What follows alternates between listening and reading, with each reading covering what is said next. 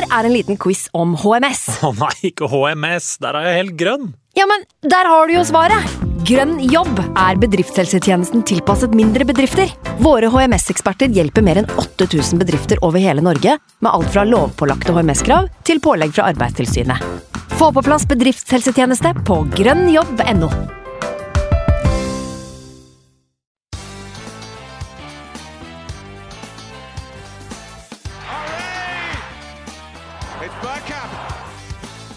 for grabs now! The next station is Arsenal. Buongiorno, eventuelt buenasera, og hjertelig velkommen til en ny episode av Arsenal Station med Magnus Johansen og meg, Simen Goffeng. Overgangsmarkedet er så definitivt i bevegelse, og vår mann Edu har allerede fyrt opp grillen og servert en perfekt mør portugisisk biff à la Viera mens både én og to brasilianske okser også ser ut til å være på vei til Edus barbecue-fest. Vi skal selvfølgelig bruke godt med tid på å prate overganger i dag, eh, men dette blir først og fremst en episode i støvelens tegn, når vi i dag får besøk av Serie A-kjenner Trygve Rød fra den norske podkasten Støvelball. Sammen med han skal vi ta en nærmere kikk på spillerne som har Serie A og Arsenal som fellesnevner. Men aller først er det oss, Magnus. eh, Og det skal jo ikke mer enn et par ukers ferie til før det begynner å klø i snakketøy igjen, så jeg regner med at det er godt å være planta foran mikken. Det er godt, eh, godt Simen, og spesielt når jeg ser det, det vakre åsynet her, eh, som er deg. Eh, det er jo tre uker siden jeg fant ut, eh, siden vi podda sammen. Jeg hadde jo en sammen med Stian eh, Børling nå for et par uker tilbake. Ellers så har det egentlig vært en liten mini-break for eh, Arsenal Station. Så jeg merker jo det på introen din, at det her har du gleda deg til, for det var en fin oppsummering, syns jeg. Italienskinspirert av eh, to årsaker, da, åpenbart. Både grunnen til at jeg er litt brunere, eh, var der i en ukes tid. Det var en nydelig ferie, men, uh, men det holdt allikevel. Jeg, jeg rakk ikke å bli Serie A-ekspert på de dagene der, så derfor skal vi også ha med Trygve Rød uh, litt seinere i sendinga her. Så det gleder vi oss eh, veldig til. Eh, Men aller først og fremst er det bare som du sier, deilig å, å sitte her og prate litt Arsenal igjen. Altså. For det, det er ikke så lang tid som skal til før du kjenner at det begynner å boble litt. Nei, det, det er ikke det. Og det er klart at nå skjer det jo mye òg, da. Nå er det sånn at nå kan du nesten ikke gå på Twitter med fem minutters mellomrom uten at det er breaking news. Og det, Sånn har det ikke vært hele veien i, i sommer. Det var jo et par uker med litt dødtid her, hvor man fikk luka litt i hagen og gjort litt andre ting. Men uh, nå, nå er man jo igjen der at man uh, får vondt i ryggen uh, av flere årsaker. si, og man ligger for mye på sofaen og ser på Twitter. Så Det er spennende dager. Skroll i vei. Ja, altså vi har jo til tider, og kanskje særlig eldre tider, vært kritiske til at Arsenal gjerne drøyer og drøyer med å få på plass signeringer. Men vi så jo i fjor sommer at det virker å være en endring på gang. Og, og nå denne sommeren så får vi på en måte bare ytterligere bekrefta at uh, her ser det ut til å være godt med planer og mye gjennomføringsevne allerede, som jeg var inne på i introen. Vi har allerede signert Fabio Vieira. Uh, Det er jo rått på så mange måter, uh, både pga. navnet selvfølgelig, som jeg da bare må si at det er skuffende at ikke Arsenal spilte mer på i eh, introen, eller i eh, den offentliggjøringen på, på Twitter eller på sosiale medier. Jeg syns jo at eh, det navnet helt åpenbart eh, bør kunne brukes enda litt bedre enn det de gjorde. Men det er bare en ordentlig Vieira, kanskje, så det er greit å ha litt respekt for legendenavnet også.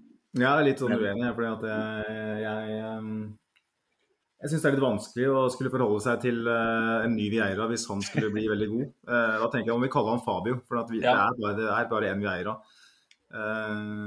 Nå står det Fabio Vieira på drakta hans, da. De Det, det er bra. Han kunne egentlig bare stått Fabio, men uh, han heter nå Fabio Vieira, da. Så, det, Han skal få lov til det. hadde, hadde jeg hett Bergkamp til etternavn, så ville jeg gjerne hatt det navnet på ryggen hvis jeg hadde fått sjansen i Arsenal. Blir det en diskusjon à la Ronaldo, eh, fenomenet og Cristiano? Eh, det hadde jo vært en drøm hvis eh, Fabio Vieira kom opp på et sånt nivå. Og med de YouTube-videoene vi har sett, så er det jo ting som tyder på at vi har fått en eh, nydelig spiller her, da. Eh, vi skal ikke påberope oss å være eksperter på portugisisk fotball, så eh, der er det YouTube som har vært vår venn. Og det er klart at han virker jo inneha en del offensive kvaliteter som bør kunne komme fint til nytte i det laget her. Absolutt. Eh, YouTube-scoutene har jo vært på jobb, selvfølgelig, og det blir spennende å snakke litt om det etterpå. Uh, fordi det er åpenbart en spiller vi ikke har sett eh, nok, av. Så Det blir litt sånn som, litt sånn som en god gammel José Antonio Reyes for en ja, snart 20 år siden. ja, Eh, faktisk. 18 år siden. Eh, En spiller man bare hadde hørt navnet på. Da fantes jo kanskje ikke YouTube engang. Det var vel så vidt blitt oppfunnet, kanskje. Men det var jo sånn litt samme følelsen. En spiller som litt ut av det blå får store penger, som bare kommer inn og skal eh, Litt sånn en rolle man kanskje ikke forventa at det skulle komme inn noen. Eh, Nei, det blir jævlig spennende. Eh, Det kribler eh, godt i mellomåra her, rett og slett. Og det er jo nesten det kuleste med hele overgangen. Det var jo hvor ekstremt på senga absolutt alle ble tatt. Altså, det hadde jo ikke vært et, eh, et ord om det navnet her, i hvert fall ikke som jeg har registrert. Det tviler jeg vel faktisk på at noen andre har gjort heller. Inntil det, bare sprakk fra en portugisisk journalist at uh, Vieira var på vei til London i løpet av en dag eller to, og at alt var eh, klart mellom eh, klubbene. Så det syns jeg jo er altså Det har vi jo snakka om tidligere, at hvor mange av de type signeringene der eh, har vi lenger? Altså Vi hadde jo den eh, Matt Ryan-signeringen som kom helt ut av blå. Eh, kan jo åpenbart ikke helt sammenlignes eh, med tanke på eh, penger involvert og sånt. Vi hadde jo Chambers som dro til Villa uten at det hadde vært noe. Men dette her er jo en stor signering som da åpenbart har vært scouta over ganske lang tid. da. Og så har man allikevel klart å holde så til de grader lokk på det. Det er jo honnør til alle involverte. Og tenker jeg også sier litt kanskje om vi skal ikke dra den for langt inn her, men den kulturendringen som Arteta jo har vært veldig opptatt av å, å innføre, da, hvor det har vært mye leaks ut til diverse engelske journalister. Eh, her er ingen, til og med ikke det, hva heter, altså Ornstein, da, eh, til og med ikke han var eh, i nærheten her. Så, Til å komme med en breial, eplekjekk, eh, selvforherligende eh, bemerkelse her. Kjør på. Så er det at jeg er, eh, var en av de privilegerte eh, for en tid tilbake som eh, fikk, fikk noen lekkasjer fra Arsenal fordi at jeg kjente noen som kjente noen som kjente noen. Stemmer det. Og jeg lurer på om vedkommende har fått sparken. Jeg vet ikke, fordi jeg hører aldri noe lenger. Jeg visste at Aubameyang skulle bli Arsenal-spiller lenge før pressen visste det. For eksempel, jeg visste at Emery skulle oh, Ikke snakk om. Emery, for der kunne jeg tjent gode penger. Ja, det var noen som gjorde det. Men eh, altså Jeg, jeg syns jo det er interessant at den kilden jeg hadde, da, og det er jo åpenbart en via-via-kilde uh, jeg kjenner jo ingen som jobber i Arsenal, sånn, det er bare at tilfeldigvis uh, bare kjente en som kjente noen. Det er jo så, så tilfeldig kan verden være. Og ganske fort etter at Teta kom inn, så ble det helt stille. Så jeg tror faktisk at det er en del av kulturendringen. Jeg har jo fått lide litt, da, for at jeg syns det var kjempegøy å få de der uh, lekkasjene. Men uh, vil vel for the greater good så er det definitivt verdt det. jeg, tenker jeg vil påstå at det er eh, journalister der borte som lider betraktelig mer. Jeg tenker jo på en John Cross, da, som jo ofte var ganske close på Wenger, fikk man inntrykk av, og som satt med en del ålreite uh, saker, gjerne. Han, uh, i hvert fall er mitt inntrykk, er jo helt spilt ut på sidelinja, og fins jo ikke relevant når det kommer til Arsenal-nyheter lenger. Så ja, det, er, det er noen som har fått lide. Eh, Du er en av de. Men, eh, Ja, men det er kan gøy. si det. For jeg, jeg, ville jo ikke, jeg ville jo ikke snakke om det på den tida hvor jeg hadde de, den kilden. For at da vet jeg at da ville folk begynt å mase. Mm. Ikke sant? For det var, poenget var jo at det skulle, det skulle holdes tyst om. Det, problemet er at han som jeg kjente, ville si til meg, og så må jeg si til noen jeg kjenner. ikke sant? Og sånn sprer det seg. Så, så det blir jo lekkasjer. Så det, det må jo være Lekkasjen må jo tettes uh, i baugen, og ikke, ikke med, med bøtte med vann eh, etterpå. ikke sant? Så det er spennende å, å se hvordan, hvordan hele organismen Arsenal bare endrer seg ved at én mann kommer inn med litt mer seriøs mentalitet. Nei, men Det er moro. Vi har mye å glede oss til, tror jeg. Eh, Det er jo en del av en større diskusjon som vi kan ta etter at vi har hatt eh, Trygve her. Eh, Men dette med hvilke spillere inn bør vi prioritere, hvilke penger bør vi bruke hvor, hvor er stallen, vår mest sårbar og, og slikt, det, det kan vi heller komme mer tilbake til. Så før vi hiver oss av gårde med Serie A-praten og det som Arsenal er linka til, til og fra der, så tenker jeg jo vi må nevne samarbeidet vårt med Arsenal Norway, som eh, vi har hatt nå i en stund, og som vi er veldig stolte av. Og det eh, virker jo å bære noen frukter, sånn med tanke på framsnakkingen vår av, av supporterklubben. At det, det kommer stadig vekk noen nye medlemmer. Så det er jo slik at vi oppfordrer alle som hører på den poden her også, til å gå inn på gunners.no og finne bli medlem-fanen. Det er veldig greit. Gjort på noen få minutter, og så er du offisielt medlem av Norske supporterklubben. Og vil da kunne høste fruktene av alt eh, det positive det innebærer, Magnus. Ja, for 250 raske i året så får du da seks tettskrevne supportermagasiner. Eh, The Gunners, The Gunner, Gunners Post, som er et eh, kjempegodt supportermagasin, har blitt kåra til Norges beste flere ganger. Jeg vet ikke hvor lenge det er så sist, men det, jeg husker jo, husker jo det fra fra, fra tidligere at det, det, har blitt berømma òg, for at det er såpass bra. Du får 15, er det 15% rabatt på fotballbutikk.no.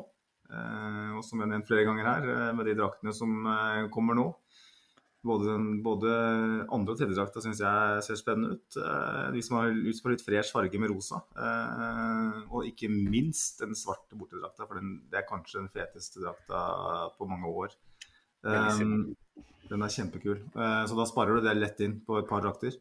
Og så har du muligheten til å delta på arrangement, som jeg har vært med på. hvor plutselig Martin Udegaard dukker opp, eller Jack Wilshere, som skal være med nå i, i, sommer. Og enda viktigere enn det er at du får møte likesinnede fra Norge som virkelig deler lidenskapen. Og du, du stifter bekjentskap, og du skaper relasjoner, og det er det er så verdt det. Det er det, noe av det best anvendte penga du kan bruke. Um, og så får du òg muligheten til å delta på supportercup. Det kan vel kanskje du si litt om, Simen? For du har to hele ankler, til tross for at du har spilt mot Tottenham eh, ganske nylig. Ja, det var jo en opplevelse, det der. Eh, på godt og vondt. Først og fremst veldig trivelig. Nå er jo det noen uker siden. Eh, jeg burde jo for så vidt ha vært med i den poden hvor du hadde besøk av Stian Bjørling, men eh, det passa seg ikke. Så da er det jo greit å bruke et par minutter på å snakke om den nå. For det var jo en, en kjempedag, som selvfølgelig ble litt skjemmet av at man gikk på et par fæle tap. Trenger ikke å nevne så altfor mye om mot hvem, og hva stillingen ble. Men eh, jeg satt igjen med to hele anklere, og med et eh, ganske deilig stort brannsår på den ene leggen. Eh, som jeg fikk i kampen mot lillebror. Så, så, jeg la igjen noe på banen der, i hvert fall. Dessverre så var undertegnede en av de som hørte hjemme på det minst gode laget for anledningen. nå var det jo sånn at Arsenal 1 ble til Arsenal 2, og omvendt. Så vi på mitt lag. Vi reppa jo da Arsenal 1, og noen må jo ha lurt fælt da de møtte oss, for det, det var jo ikke nivå. Det var ikke det. Men det skal si at Arsenal 2, som da egentlig var Arsenal 1, gikk jo helt til finalen, og tapte dessverre den mot Ipswich, mener jeg at det var. Eh, men de la i hvert fall igjen eh, mye ære eh, for Arsenal-gruppa, da. Så så dette er jo absolutt noe man kan anbefale folk å bli med på til neste år òg. Dette her var jo første året på fi, tre eller fire år at man hadde det. Eh, mm. Og jeg tenker at med enda litt uh, mer uh, folk til neste år, vi var jo kanskje et par spillere for lite på hvert lag, uh, så vil man jo få en enda mer positiv opplevelse der. Så hvis det er noe som frister noen av de som er medlemmer, så er det bare å melde seg på til neste neste supportcub om et års, års, tid. Og så ga jo du en eh, fortjent shout-out til eh, en av våre lyttere, Kristoffer Haugland, eh, som jeg ikke spilte på lag med. Han hørte ikke hjemme på det mindre gode laget, og herja ganske solid for, for det andre. Så hvis man har lyst til å enten spille sambafotball med de gode, eller være en del av slitelaget med meg, så, så er det muligheter for alt uh, neste sesong. Men da, da, er det som sagt medlemskap i supporterklubben som gjelder. Og bare absolutt til sist når det gjelder det, så kan vi jo nevne at uh, Blekka TGP uh, ramla ned i postkassa her i går, hos meg i hvert fall. Du bor jo litt uh, ruralt til, Magnus, så det er vel mulig at det tar en dag eller to til for, før du får det. Men, ja, altså må jo ta den taubanen postmannen. Og da, da, er det, som du sier, mye bra innhold. Eh, jeg har ikke fått lest gjennom eh, noe særlig ennå, men eh, det er en fyldig sesongoppsummering. Og det er også en lang, fin artikkel hvor man tar for seg Prosjekt Arteta og hvor det er på vei. Så det er mye, mye bra lesestoff. Bare å glede seg. Men da er det som sagt én ting som gjelder først. Og nå har vi sagt det så mange ganger, så trenger vi ikke å nevne det igjen. Men da er det på tide å introdusere vår allerede nevnte gjest. Eh, den ene halvdelen av den veletablerte podkasten Støvelball, som da åpenbart har eh, full kontroll på alt som beveger seg i Italia. Trygve Rød, eh, velkommen til oss. Jo, takk for det. Hyggelig å, bli, velkommen hit. Altså. Jo, det er, det er, ikke så mange Serie A-eksperter der ute, så det er sjelden vare. ja, vi er vel en egen rase, vi som, vi som følger Serie A på daglig basis. Det må man kunne si. Ja, er sånn, jeg føler at det er en sånn som ligger litt sånn tilbake i tid. at uh, det er åpenbart flest av oss anglofile her i, her i gamlelandet. da, Og at uh, velger man seg ja, kanskje f.eks. særlig Serie A, da, eller kanskje La Liga, selv om jeg føler det er liksom mer godtatt nå. Uh, ja, ja. Er, det, er, det, Serie A, så er det ja, OK, hva er det med deg, liksom? Jeg Føler du litt på at du blir, du, blir, du blir, satt i noen ubehagelige båser iblant? Ja, nei, det, du har i forklaringsproblemet med en gang du sier at ja, hva slags lag holder du med, hva slags, hva slags kamper er det du ser, liksom, når det, når det er full Premier League-runde, liksom. Nei, jeg ser ikke Premier League. Nei, det er sikkert et sunnhetstegn at det er noen som kan unngå det også. Vi, vi er jo litt lettlurte, vi Premier League-fans. Du må kanskje si det sånn. Ja, men du, du, sa det kort her. Eh, du har jo tilknytning til et lag òg. Vil du avsløre, avsløre, hvem du på en måte har fulgt tettest med på opp gjennom din Serie A-karriere? Ja, nei, ehm, Det laget som, fikk meg inn til, eh, til Serie A og italiensk fotball, var jo Juventus. da. Så jeg eh, ble jo introdusert for det av min bror, da, så, med Del Pierre og Zidane og gutta der. Men uh, nå i senere tid så har det mer liksom blitt fasa over til at det egentlig har blitt Serie A som helhet, og italiensk fotball egentlig med, med hele pakken. Da. Så Juventus har litt mer ut. De var liksom litt for dominante her på, på 2010-tallet. Men det er jo noen navn der da, som gjør at det er ganske åpenbart å forstå hvorfor du lot deg, lot deg lede inn i fristelse, du også. Eh, ja, ikke sant. Det, mye, mye sexy fotballspillere han du har på veggen bak deg. Det, det, er jo ikke sånn at lytterne våre ser hvem det er, men uh, han er jo en av de absolutt uh, mest sexy av alle. Vi har, en, uh, vi, har den egyptiske versjonen, skal jeg si. Ja. ikke sant. da er det altså Pirlo, som sikkert alle skjønner. Ja. Men vi må bare kjøre litt i gang. Jeg må bare si det først at uh, for meg som er uh, omsverma av United og Liverpool-supporter, så blir jeg glad hver gang det er noen som følger med på noe annet. Det kan gjerne være en engelsk klubb, men enda kulere når det er en italiensk klubb eller en annen serie. Og du er jo her i dag fordi at vi, vi har blitt linka til ganske mange spillere fra Serie A den sommeren her allerede. Vi åpenbart vet jo da litt for lite om dem. Eh, I tillegg så har vi hatt to-tre spillere på utlån i Serie A den sesongen som, som gikk. Og vært nysgjerrig på, på, hvordan de gjorde det, og om det er håp om å få igjen mer enn knapper og glansbilder for dem. Eh, for det er jo en del rykter om at, eh, at de klubba ikke har råd til å betale. Vi skal kjøre rett på det, Simen. Vi fikk jo kule spørsmål i dag. Eh, fra, fra lyttere våre. Og vi kan begynne med, eh, med Toreira, egentlig. Eh, mm. Altså han godeste mm, Stian Børling han var gjest hos oss i forrige episode, faktisk. Han er leder i Arsenal og Kristiansand og en svoren lytter av poden. Han, han, han, skriver ut, utenfra ser det ut som Juventus har enerett på mange spillere i Italia. Eh, de forhandler spillere uansett pris for alle lag i Italia som, eh, på noe som virker som veldig gunstig priser og avtale. Torreira ble plutselig for dyr eh, for Fiorentina etter å ha tjent mye penger på Vlavic. Hvorfor det ble et todelt spørsmål, da. Han ta den Juventus-delen først, for, for, så vidt. Det inntrykket vi sitter med som ikke følger Serie A tett, er at litt sånn som Bayern i Tyskland da, har liksom først dibs på på spillere for klubba litt lenger ned på tabellen og får ordna seg gunstige avtaler. Er det, eh, har det rot i virkeligheten? Eh, det har jo absolutt det. Det er ikke, det er ikke tilfeldig. Juventus har jo en, en særegen posisjon der med, med, som du nevner, Vlaovic der og Locatelli mm. sesongen før der igjen. Chiesa har de også henta liksom, på, på, litt samme terms. Fordi at Juventus er jo liksom, det, det er jo flaggskipet der, og de som gjerne kommer inn i italiensk fotball tidlig, sånn sånn som de gutta der, de, de ser jo opp til Juventus. Liksom. De vil komme dit. Og da kan de liksom Får de liksom spilleren på sitt lag der, så går de til klubben og sier at ja, selv om Arsenal kommer og byr meg, selv om Real Madrid kommer og byr meg, så drar ikke jeg dit. Det er ikke snakk om. Jeg skal til Juventus, liksom. Da, da har de ikke noe annet valg. Enten å sette dem på benken og til kontrakten går ut, så stikker de til Juve, eller så ja. For det var jo to, somre, nei, to vinduer på rad med, med sagaer hvor, hvor Arsenal ble på en måte plassert inn i bildet av eh, pressen. Nå var det nok i alle fall Vlavic-ryktene, det var det nok noe i. Men Locatelli sommeren før virka veldig agentfabrikkert. Eh, Vlavic har jo selv uttalt nå nylig at han ikke engang hørte om interessen eh, fra Arsenal. Eh, er det sånn som vi tenker at, at Arsenal altså Arsenal er ett lag, men sikkert andre klubber har blitt brukt i en sånn type saga fra de klubbene fordi de prøver å beskytte seg mot et Juventus. Prøver å presse Juventus til å pay up på et vis.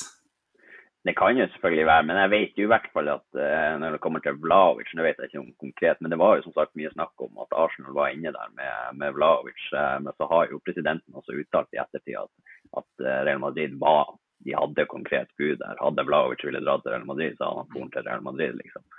Så, så det, men det, det, er selvfølgelig altså, det er masse metoder som blir brukt i agentbransjen for å, for å få pressa fram summer på de vilkårene man vil. Så jeg ser ikke bort ifra at uh, man dras inn. Men Vlaovic så jeg jo på som ikke dumt at han kunne dra til Arsenal. Det så jeg ikke. Jeg så, altså på det tidspunktet der så tenkte jeg hm, hvorfor ikke fælt til Arsenal? Tenkte, hvorfor skal du dra til Juventus nå, egentlig? Juventus det ligger liksom lå litt mer brukken rygg, egentlig. Men så liksom begynner man å tenke litt lenger på det. Han har fått vite at Man vet ikke på det tidspunktet, men etter hvert så fikk man vite at Dybala fikk jo ikke fornya kontrakten sin. sånn at han får sikkert vite ok, kommer du hit, blir du main man framover i mm. ti år, om du vil. Så, så, det kan ha litt med, med saken å gjøre. også. Han skal vel klare å, å, henvise Morata til benken nå, hvis Morata blir. Eh, nå er vel kanskje han også ikke nødvendigvis i framtidsplanene der, men eh, det er jo lett å forstå at Vlaovic, eh, som mange andre, lar seg friste til å bli værende i Italia. Det virker jo som det er noe med at når du først er plassert i Italia, da, så, så, virker de landegrensene å være ekstra vanskelig å komme seg over. Det er jo ikke veldig mye eksport fra Serie A til de andre store ligaene, selv om det tidvis kommer litt her og der. Så er det noe med at ja, de virker å være veldig glad i både ligaen og det landet de spiller i. Da. At det er ja. høy terskel for å, for å ture ut. Ja, i hvert fall de, de italienske og de som, mm. de som eksporterer fra italienske, de, de, har jo et rykte på seg for å ja, generelt floppe så å si samtlige av dem som, som, kommer ut og ender opp tilbake igjen i Italia. Men som Vlaovic der, så ja, han kom jo til Fiorentina tidlig, men, men, han er jo ikke italiener, så der kunne det liksom være en mulighet, eh, tenkte jeg i hvert fall. at Det, mm. var, det ga mening at han får utenlands fra Fiorentina når, han har gjort det såpass solid for, eh, for, for, en klubb som det. liksom. Men ja. Men det derre ryktet om at italienske spillere, eller spillere fra den italienske ligaen, er det vel, kan du vel egentlig si òg, har et rykte på seg for å floppe, i, spesielt når man går til Premier League, kanskje. Uh, kanskje La Liga, for den saks skyld. er det på en måte litt mer en myte enn en, en sannhet, sånn i dine øyne? Altså, det er jo eksempler på spillere som kommer fra Serie A som virkelig lykkes òg. Ja, eh, men jeg tror det har altså, eh, Man må stikke fingeren i jorda og si at altså, Serie A er jo et par knepp under Premier League når det kommer til nivå. liksom. Så sånn sett selvfølgelig naturlig. Du skal være jækla god i Serie før du skal komme inn eller komme inn i riktig rolle, riktig system, riktig miljø for å gå inn i Premier League da, og så bare, bare ta det som, som, det kommer. da. Det er en helt annen kultur og spillestil i Italia da, som, mm. som passer. Senest nå har du jo Lukaku, f.eks. Ja. Drepte jo ligaen for Inter, liksom. Kommer til Chelsea og er jo sjanseløs, og nå skal han tilbake igjen. Ja. Hva tenkte du når han gikk til Chelsea for 115 millioner euro? eller hva det var? Tenkte du at det var smart av Chelsea? Nei, jeg tenkte det. Det var mer smart av Inter der og da, for, for den summen. det tenkte jeg absolutt. Eh, I hvert fall når man ser altså Lukaku har jo, altså det han, han har ikke fulgt med så hardt på Premier League, men han har vel gjort det best uh, for West Brom og, og, Everton, egentlig. Han har vel ikke lyktes noe særlig for verken United eller Chelsea. Så, Nei, altså, Som en eller annen merkelig grunn så har jo både United og Chelsea tenkt at han skal kunne brukes som en sånn targetspiss, eh, feilvendt. Um, og så har han vel aldri på noe tidspunkt i løpet av tida si Premier League klart å skåre omtrent i noen toppkamper. Han klarer seg veldig greit i de si, enklere kampene. Og nå har han ikke klart det engang i Chelsea. Så Chelsea som har hatt den på bøkene sine, og som kjenner den så godt, eh, det er ganske utrolig, faktisk. Men um, jeg tenker vi kan gå videre til uh, Toreira, som var uh, del to av spørsmålet til, uh, til Stian. Um, det er jo litt tilknyttet her. altså Fiorentina får jo da en ganske betydelig sum for Vlavic. Inngår en avtale med, med Arsenal om en opsjon på kjøp for Toreira på 15 millioner euro. Toreira er månedens spiller i Fiorentina, er det tre eller fire ganger. Og, og så nå har ikke vi sett kampen, han må jo åpenbart ha gjort det bra. Og så vil ikke Fiorentina betale det den ble enig i forkant av sesongen. Um, Fiorentina er vel ikke blakke?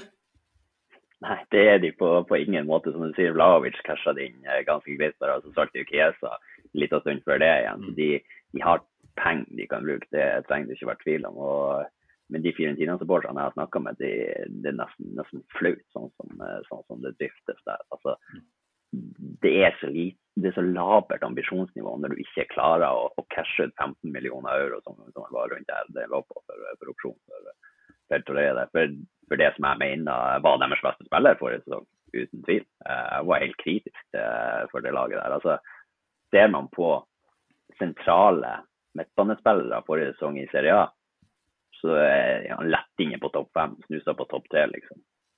Så jeg syns det er ekstremt merkelig at ikke Fiorentina trigga den opsjonen. der, si. Ja. For det er jo lett å tenke at det var et forhandlingsutspill, rett og slett. da. Men uh, jeg følte at den uh, teorien fikk seg jo et skudd for baugen når du så den avskjedsmeldinga som Torreira la igjen, hvor han, sånn som jeg tolka det i hvert fall, nesten angrep krefter i klubben for å ikke mm. forholde seg til det som var en avtale. Uh, nå kan det jo se ut til at det kan bli en Serie A-retur for han uansett, til en annen klubb, men men eh, det er jo vanskelig å forstå. Altså, jeg kunne forstått som sagt, hvis det kun var et forhandlingsutspill av taktiske grunner, hvor du Altså ja, 15 millioner i utgangspunktet er en helt OK sum, og når du da i tillegg går hen og er ligans, eller lagets beste spiller, da, som du sier, så, så, er det jo ikke noe grunn til at den summen i utgangspunktet skulle nedjusteres. Men, eh, men selvfølgelig fra Fiorentins perspektiv så er det forståelig at man tenker at OK, eh, Torreira elska tilværelsen her. Han vil tilbake vi har en avtale om 15, men OK, kanskje det er mulig for å få den for 10-11 istedenfor, da. Det er jo jeg har jo ingen problem med å forstå det fra, fra, det synspunktet der. Men som sagt, når Torreira da skriver den meldingen han gjør, da, da høres det ikke ut som det er eh, greia heller, da. Eh, hvordan tolka du den eh, interaksjonen mellom klubb og spiller der? Nei, jeg tolker, Nå vet jeg ikke hva, hva engelske medier har skrevet, men, men det, det de italienske skriver som sagt at, at uh, for det første så, så lowballa jo Fiorentina Arsenal. Så, så til de grader, Det var jo snakk om et i bud fra italiensk side på rundt 6-7 millioner euro. I tillegg til at Torreira og Fiorentina var enige om en lønn på 2,3-2,4 millioner euro netto årlig. Eh, dette skulle da kuttes med 1 million euro netto eller noe. Så det var liksom, De skulle lowball både spiller og klubb der, og da, da er det sjanseløst å få igjen en deal. Så da, da pulla alle parter ut. Ja, men da er det ikke vanskelig å forstå at de Forentina-supporterne du har snakka med, er litt i harnisk. Mm, ja, nei, det er helt håpløst. Jeg, jeg skjønner bare ikke altså, Spillere av det kaliberet som passer inn. for Det er så hånd i hanske til treneren til Fiorentina. Uh, sitt system også sklir så deilig inn i den dype rolla i 4-3-3 der. Altså, skjønner jeg bare ikke hvor, hvor skal du hente inn en spiller av det kaliberet der til en billigere sum enn det? liksom, Det, det fatter jeg ikke. Du har fått lov til å prøve den en sesong, og det funka som bare rakkeren. liksom. Da er det ikke noe å tenke på engang. Så det er, ja. Og det der, det har, ja, og det der har balla på seg, liksom. For nå har det endt opp med at, uh, at uh, treneren til Fiorentina også er på, på gjerdet om han skal gidde å signere noen ny kontrakt. For ambisjonsnivået er så labert. Får liksom ikke de spillene i nærheten av det han vil ha. Så det, ja, det er flaut, rett og slett. Mm. Vi fikk et spørsmål fra Fredrik eh, Heierstad på Twitter, og han Det her kan sikkert tolkes nesten som en uh, fornærmelse mot Torreira, ettersom han da åpenbart har vært såpass god. Altså, han spør om han kan være en del av Europaliga-laget til Arsenal til høsten. At han kommer tilbake til England og liksom spiller en sånn benkerolle i ligaen og så spiller Europaligaen. Um, åpenbart en spiller som har vært så god i Serie A at, uh, at andre Serie A-klubber kan finne på å, å, legge inn et bud. Ja, absolutt. Eh, det har vært litt snakk om Lazio og litt sånn. Det er jo, det er jo klubber oppover, oppafor Fiorentina igjen som vil ha, som, som er naturlig, selvfølgelig pga. det han har prestert. Så at han skal gå inn og kunne kle en benkerolle i Europaliga-skåd, det, det bør gå greit. tenker jeg. Ja. Det er jo ikke, ja. ja, det, er jo ikke der nødvendigvis hovedproblemet ligger med Torreira. Det er vel at han aldri helt fant eh, mulighet, eller fant uh, seg helt til rette i London, i England. Og at det italienske livet rett og slett kler han mange hakk bedre, da. Eh, Så det er klart det å være lykkelig utenfor, det er jo en vesentlig del av å prestere på banen. Jeg også tenker jo at han absolutt kunne gjort en jobb, det er ikke noe tvil om det. Nå virker det jo ikke som han er Artetas uh, take-up når det kommer til å være en sentral midtbanespiller. Så, så jeg tror ikke vi får se det uansett, og alle solemerker eh, tyder jo på at uh, han drar tilbake. Men, uh, men så kvalitetsmessig isolert sett så er han jo god nok. Det er jo ikke vi uenig i heller, Magnus. Uh, tenker i hvert fall jeg. Skal ikke snakke for deg, men, uh, men det høres ut som Torreira har veldig klart og tydelig gjort det for seg at han, han skal tilbake til Italia. Da. Det er der han har hatt sine, sine gode år. Ja, det virker som det. Så, eh, nei, det, det blir spennende. Jeg håper i hvert fall at han blir i Serie A, så det, den er jo grei. Er det mer penger hos eh, Roma og Lazio, eller? Det er vel også Roma jeg har sett som har vært linka litt? eh, Ja, De skal nok klare å, å lukte opp mot eh, 15 millioner, som den opsjonen var på i utgangspunktet, vil jeg tro. Ja. Det, jeg tror de, de ser og kan verdsette eh, de kvalitetene som en spiller som Torreira. Jeg tror I hvert fall i, eh, i Lazio, da, der har du jo Maurizio Sarri da, som spiller 4-3-3, Ja. hvor den type er, er så kritisk. Så der sklir. Altså, vi kan gå langt fra banen. Ja. Mm. Fordi Roma prøvde jo å lowballe oss i fjor sommer for Granit Xhaka. Eh, når jeg ser dem hente han godeste Nemanja Matic nå fra United på free transfer, så Da trenger de ikke klare. eh, Det er klart eh, jeg ser, jeg ser jo for meg at, eh, at narrativet blir at Mourinho skal prøve å komme tilbake til Arsenal og få en ålreit uh, pris for, for Torreira òg, men um, det blir spennende, spennende å se. Jeg tenkte jeg skulle spørre bare sånn veldig kjapt.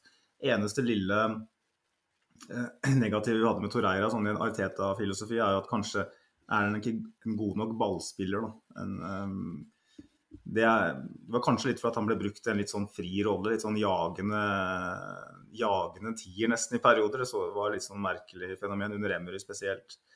Eh, hvordan, eh, hvordan føler du han har gjort det sånn, eh, fra et sånn ballbesittelsesperspektiv, pasningsmessig, i Serie A nå? Jeg syns han har gjort det, det veldig bra, og, det, er så, det er så åpenbart at din dype rolle i 4-3-3, det, det er der han er nødt til å spille. Jeg tror, tror nesten ikke to sentrale så skal du ikke spille. Så Du må, må sitte alene i den dype rolla der og kunne få diktere, kunne, kunne komme imot her og der når han føler for det, og distribuere kort og langt som han føler for. Det, det er da han, eh, han spiller sitt beste. I hvert fall han har gjort det i fine tider. Vi har en del andre navn på blokka òg, Magnus. Eh, Hvis vi skal prøve å rekke gjennom på en anselig tid, så er det kanskje greit å hoppe videre, eller? Ja, jeg tenker vi, vi kan jo kanskje gå rett videre til spillere som er linka inn. Jeg vet ikke hvor interessant det er å snakke om Pablo Mari og Maitland Niles og sånn. Han har ikke spilt så mye. Altså, nå har jo Pablo Mari spilt mye, har jeg sett, men eh, Ja, og og han er vel til og med rykta til AC Milan, så han må jo ha gjort noe riktig eh, på utlån eh, i Udinese. Nå er det vel først og fremst snakk om at han skal returnere dit, eh, men jeg vet ikke hvordan det står til med økonomien der. Om det faktisk kan være noe i at han skal inn på et uh, tittelforsvarende AC Milan. Det høres jo umiddelbart litt uh, far off ut, men hva tenker du om den, Trygve? Er det, er det mulig for Arsenal å hente noe penger på Pablo Marie også der, eller?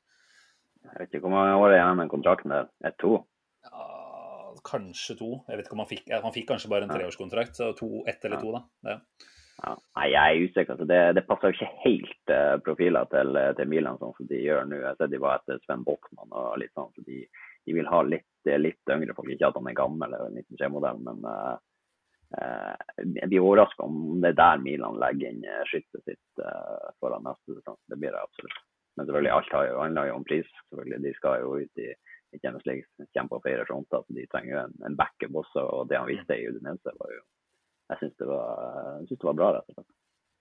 Så det er en spiller som, eh, som Arsenal eh, kan håpe å få en overgangssum for. Eh, tenker du at ikke en altså Jeg vet ikke om du kjenner den uh, triste historien fra de siste åra. Arsenal har vært en klubb som gjerne terminerer kontrakter over en lav sko, Uh, og kanskje også fått et rykte for å gjøre det. og Kanskje er det det mange av klubbene tenker. Eh, Pablo Maria er en spiller som på ingen måte er god nok for Arsenal per nå.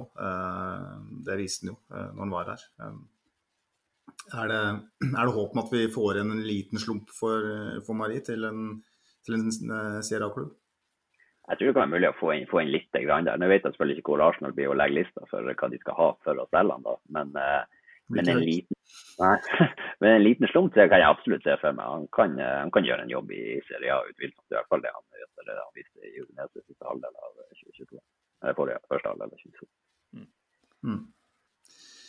Ja, skal vi gå videre til um, spillere inn da, for Arsenal sin del? Um, jeg syns det er uh, interessant å ta med litt om han godeste Aaron Hickey. Det er vel den spilleren som har blitt nevnt hyppigst uh, de siste par månedene uh, fra Serie A. Og det er jo åpenbart en spiller vi Jeg har ikke sett den spille, såpass ærlig skal jeg være. Men det er jo en del informasjon der ute, og vi har fått et spørsmål fra Simen, nå er jeg helt ute å sykle her. Jeg, jeg ser uh, Fredrik Heierstad har uh, flere spørsmål igjen, tweet, han. så han uh, spør om Hickey er en bekk som kan trekke like så greit inn i midtbanen i tillegg til å holde bredde. virker som Arteta liker at bekkene varierer på det. Det var et veldig spesifikt spørsmål, da. men hvis du skal si litt om Aaron eh, Trygve? Har du liksom en liten sånn kort, grei scouting-rapport å komme med der?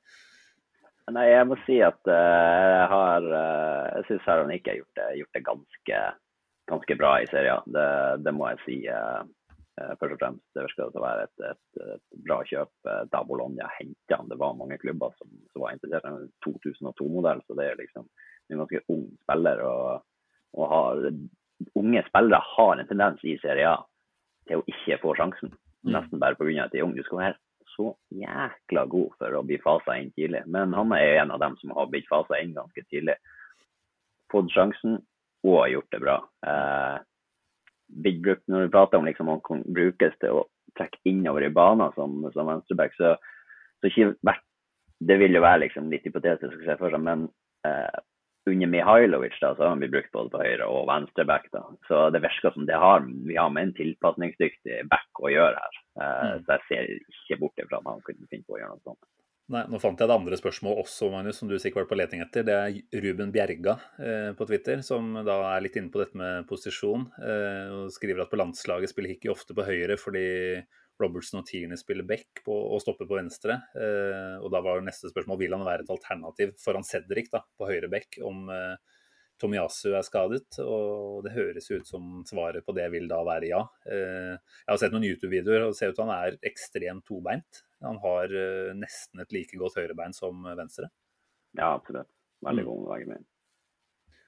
Men eh, nå har jo den linken dødd litt hen, eh, kanskje, Magnus. Jeg vet ikke om vi anser det som å være realistisk. Ja, nå har vi åpenbart gode koblinger til Bologna fra i fjor sommer, hvor vi hentet eh, Tomiyasu. Eh, har du på en måte noen, eh, noen nye updates eh, på hvordan den dealen potensielt ligger an, eller Trygve?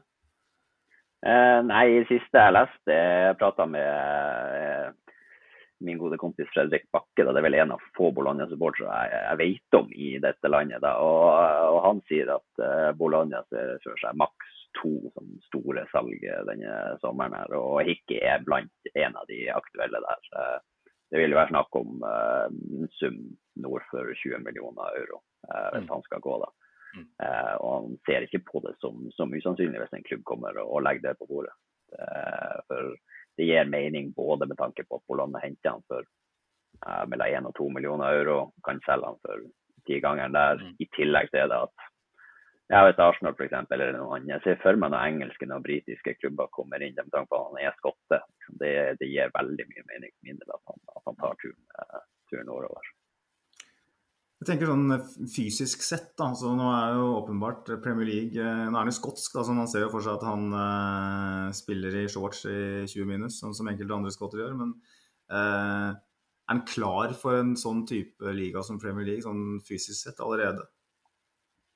Ja, det er jo vanskelig å si. Han er jo han er jo kjapp og god teknisk, da, men som du sier, litt, litt spinkel. Det er han jo absolutt. Mm. Så der må han jo kanskje kunne, kunne, bygge på litt. Eh, det kan jeg se for meg at han gjør. Mm. Det blir spennende å se. Uh, åpenbart en spennende spiller. Som du nevnte, så var han uh, veldig attraktiv, uh, har jeg lest òg. Og det at han var vel Nå skal jeg ikke påstå at det er stemme, men at Bayern var en av de klubbene som var, var lukta på. Um, og så velger han da Serie A, uh, som du nevnte er en, en liga hvor unge spillere kanskje ikke får, får sjansen. Og så har vi jo henta Tomiyasu, som òg for så vidt er en ung spiller. Um, er Bologna en sånn type klubb som uh, hva skal jeg si, går litt mot strømmen, sånn sett, ettersom spillere velger å gå litt foran, foran såpass uh, prestisjetunge klubber?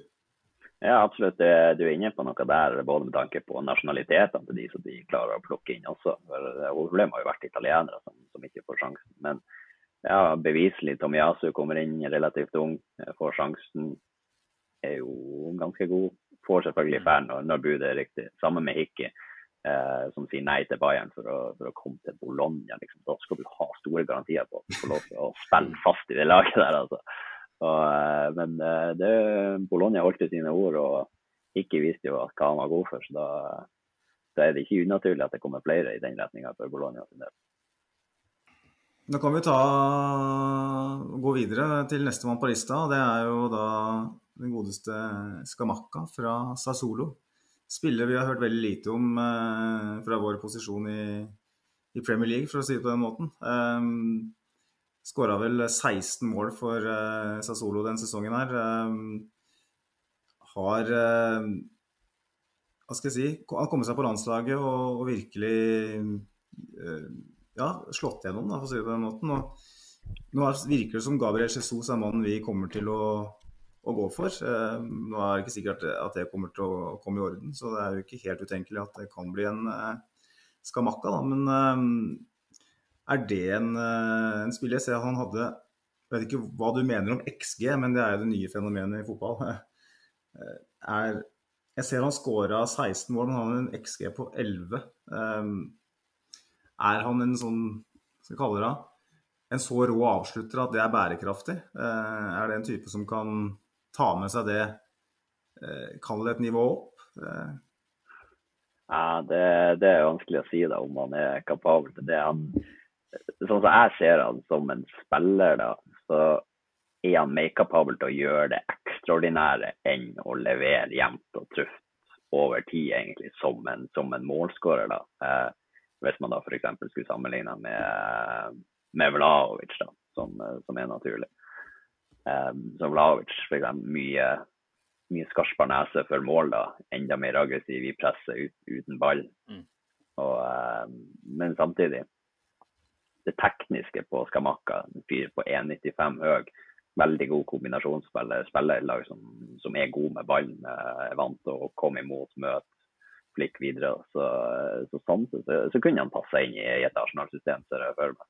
Uh, det er jo selvfølgelig en liten edge med, med høyde. Samtidig så Altså, Han vinner jo noen hodedeler, det gjør han jo pga. høyden sin, men samtidig er han ikke god nok på hodet til å være av den høyden der, egentlig. Litt samme kritikk som, som Brausen har fått, egentlig. Mm. Har såpass høyde, men du er ikke like skarp uh, i hodespillet som, som, du bør være. Men, men, teknisk så er han jo går han utenpå ja, både Vlaovic og ja, Haaland og Åsimen. Da siterer vi deg på det, da, at uh, Skamakka kan sammenlignes med Brauten, Så ja. høres ut som vi burde gå for den. Nei, det er vel eh, en liten sånn link som dukka opp her, og som jeg personlig ikke har veldig tro på. Har vel sett at det har vært noen koblinger til PSG også. Sånn mm. ligamessig så er det kanskje lettere å se for seg at han vil prestere på det som er det soleklare enelaget der, mot uh, jevnt over lavere motstand òg, da. Så og det er klart, kommer BSG og, og banker på, da skal det vel godt gjøres å si nei i disse dager. Ja, jeg tror også det. Jeg tror PSG og livsstilen der passer mye bedre enn, enn å skal dra til Premier League og må, mm. må, kjempe for hver eneste centimeter der. Det, det har jeg litt lite tro på. I hvert fall på, på de summene som, som angivelig Sassuolo krever. Det er jo litt sånn, eh, litt sånn, sånn joke om det i Italia. at med de summene som, som Sassuolo krever for sine spillere, både Skamakka da, og Raspadori og Berardi og Traoré og Pradesi, det er ikke måte på. Så skulle man tro de leder seg, ja egentlig. For det er så høye summer som kreves. Men, men, de er jo ikke der, så, så det er jo det er noe som ikke stemmer. Det er jo det. Mm. Sånn, sånn eh, presspill hans og sånn, da. Eh, det er jo en av de tingene som gjør at Gabriel Jesus eh, virker å være en Arteta-favoritt. Han er en som leder eh, fra, fra, fronten, har voldsomt gode tall på ballbrudd, eh, gjenvinninger og alt sånt. Um, er det noe som, eh, som stemmer overens med en Skamakka? Er det en rød tråd her i overgangsarbeidet, hvis vi tenker at Skamakka faktisk er et alternativ? Ja, altså han, Det som er rød tråd er at han, han spiller på et lag som, som liker å ha ballen. Som lik uh, Arteta-spillestil. De liker ballen, står høyt, presser. De, uh, de legger seg aldri bakpå på, på noe vis, med mindre du, har, du står overfor motstand som er, som er overlegen da, med ball, selvfølgelig. Men, men Skamakka i press, han er 1,95. Han er litt seig, altså. Det, det, er han jo absolutt. Så, så han er avhengig av mye lettbeinte, gode tekniske spillere rundt seg for å, for å få optimalisert, for å få maksa bruken av han. Men sånn isolert presspill fra han, så, ja, så høres det ut som Gabriel Jesus er mer som veien å gå. Mm ja, Guardiola har sagt at han er den beste eh, i verden på presspill i en offensiv posisjon. Så det er klart at hvis lista ligger der, så er det vanskelig. Men eh, det er litt interessant å tenke, for det både, både Skamakka og Victor Rossi, men eh, jeg håper jeg sier det riktig nå, eh, er eh, hevda av linka til Arsenal. Det var vel en historie nå for noen uker siden hvor det var snakk om at Edu, da, som er vår tekniske direktør, hadde vært i kontakt med presidenten i Napoli. og vel kommet fram til at det sannsynligvis blir for dyrt. Eh, det er vel det som kanskje er litt problemet med, med å skulle hente en sånn type fra, fra Napoli òg, men det er vel en helt annen type. Altså er, det er vel en mye hetere spiller, altså en som, som kanskje er lettere å se for seg at uh, kan ta steget opp uh, umiddelbart, eller? Ja, absolutt. Jeg føler han er mye mer en, en spiller som, som, kunne gått inn i Premier League og tatt det med storm, egentlig. Jeg har absolutt alle kvalitetene til Han er kvikk, han er god med ballen i beina, han har mål. Altså, han er ti centimeter lavere enn Skamaka, men jeg tør å påstå at han skåra mer mål med hodet innenfor uh, 16-meteren enn Skamaka gjør når vi skal summere opp karrieren deres. Mm. Og en fryktløs spiller, eh, rett og slett. God i bakrom. Har egentlig, egentlig det meste. Jeg synes også selvfølgelig Når det kommer til presspill, så kunne han han har såpass bra fart såpass god akkusajon at uh, får han de taktiske justeringene som, som trengs til undervisninga, så, så, er han en presspiller på, på høyt nivå. Da. Men der er det som du sier, sannsynligvis prislappen som er den største grunnen til at han eventuelt ikke henter ham. For han ble vel henta til Napoli fra Lill for det må ha vært sånn 700-800 millioner kroner eller noe sånt. Ja, eh, der, var det jo, der er det mye jazz om at det er ja. mye, ja, mye, under bordet der og, og bokføring osv. Det, det var jo den sommeren vi kjøpte PP òg, var det ikke det?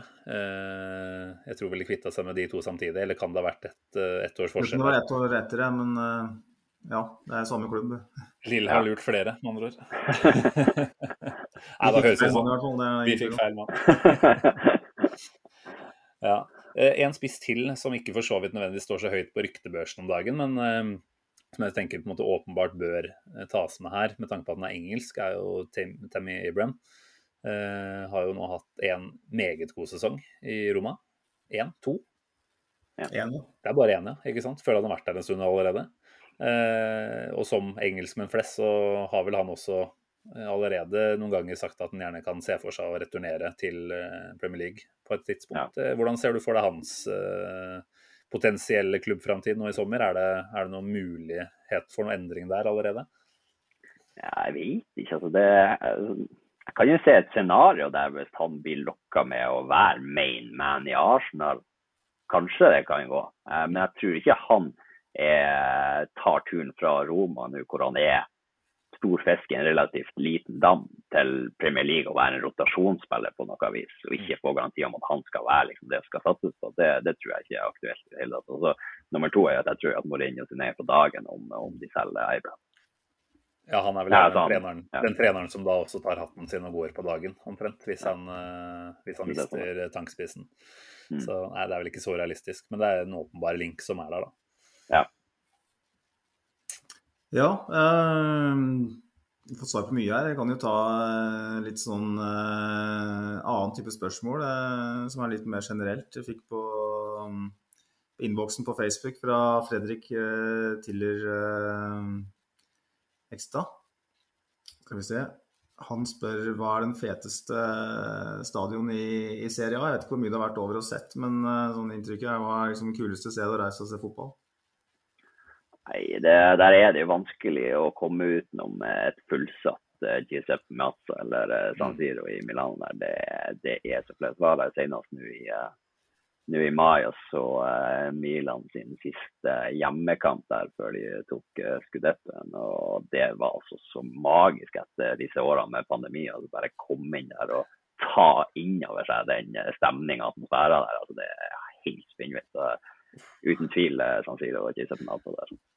Og det må jeg vel kanskje bare innrømme. Jeg vet ikke om Vi skal vi skal jo ikke på en måte snakke ned Premier League heller, men eh, der Premier League kanskje tidligere hadde tribunekultur som et av de absolutt store eh, trekkplasterne for oss supportere, så, så er det ikke til å komme unna at man i litt større grad nå ser at man har den turistroen eh, som brer over seg på en del av de stadionene. og man også ser jo til Italia og Serie A at uh, lidenskapen på tribunene kanskje er levende i enda større grad der i disse dager. Da. Så jeg vet ikke om uh, du på en måte har den sammenligningsgrunnlaget du heller, Trygve, men, men, det høres jo ut som du definitivt har kost deg på, på tribunene her, da.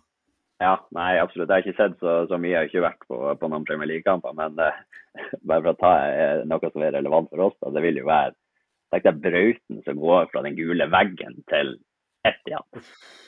De som ikke reiser seg når de scorer engang? Den er seig. ja, nei, det, det, blir en overgang, det. Ja. Men apropos nordmenn, da. Jeg syns jo det tilsynelatende tar seg litt opp med nordmenn i Serie A om dagen. Jeg vet ikke helt om antall hvor, hvordan det stemmer, men, men en Leo Østigård, da, som jo var veldig god i, i Genoa, Eh, han er vel på vei til Napoli etter alle solemerker nå, da. Eh, han har jo blitt nevnt også i, i hvert fall supportergrupper som en mulig Arsenal-spiller. Vi trenger ikke å prate for mye om det, men litt mer sånn generelt nå med nordmenn i serien. Hva er, liksom, hva er grunnen til at man i større grad ser dit? Er det kun tilfeldigheter?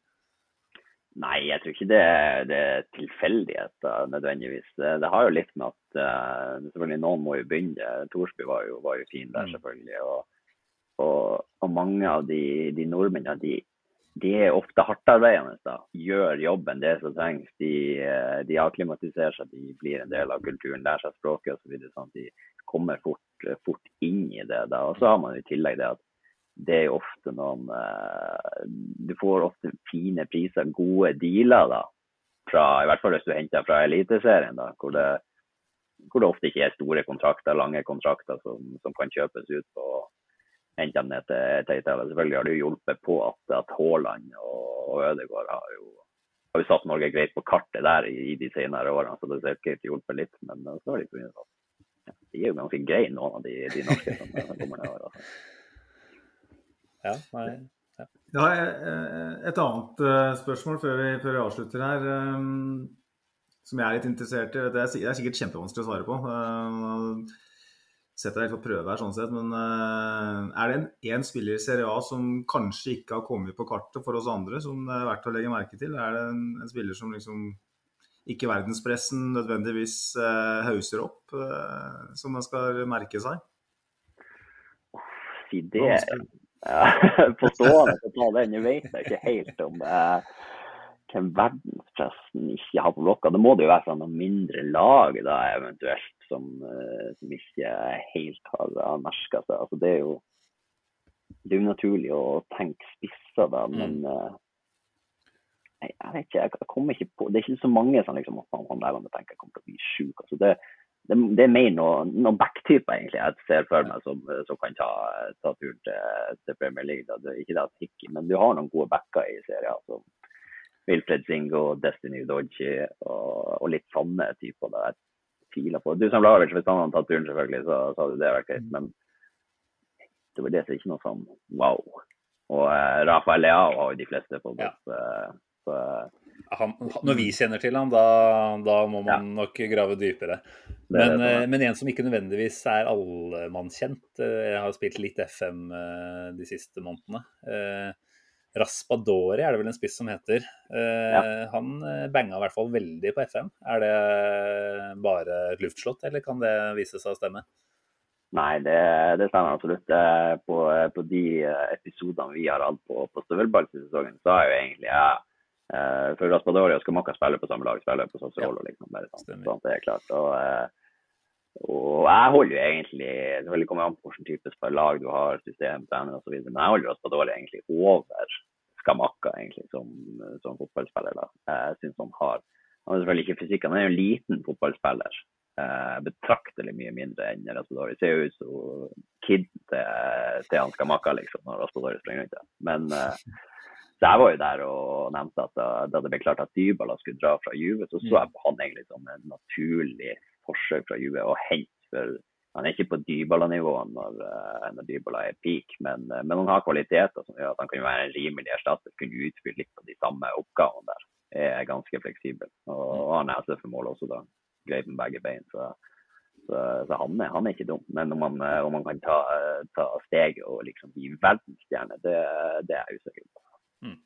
Ja, for det er, det, det er jo litt kult å høre om, om, om slike spillere, spillere som man eh, Nå spiller ikke jeg FM lenger, for at da hadde jeg spilt meg både for gård og grunn og, og det som er.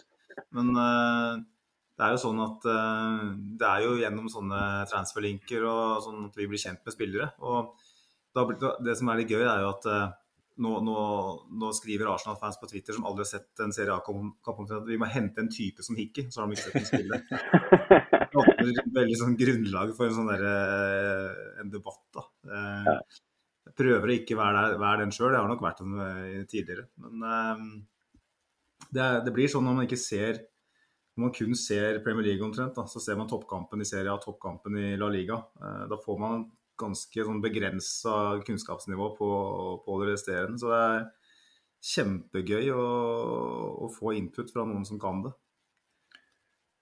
Ja, det har vært uh, veldig nyttig, dette her, altså. Så, som alltid går jo tida ganske fort når vi begynner å sette i gang og prate her på den poden her. Dere er sikkert kjent med det samme fenomenet i støvelball også? Ja, vi tenker vi skal ta, ja, en liten halvtime i dag. Og så blir jo aldri en halvtime. Jeg er sjanseløst hver eneste Ja. gang.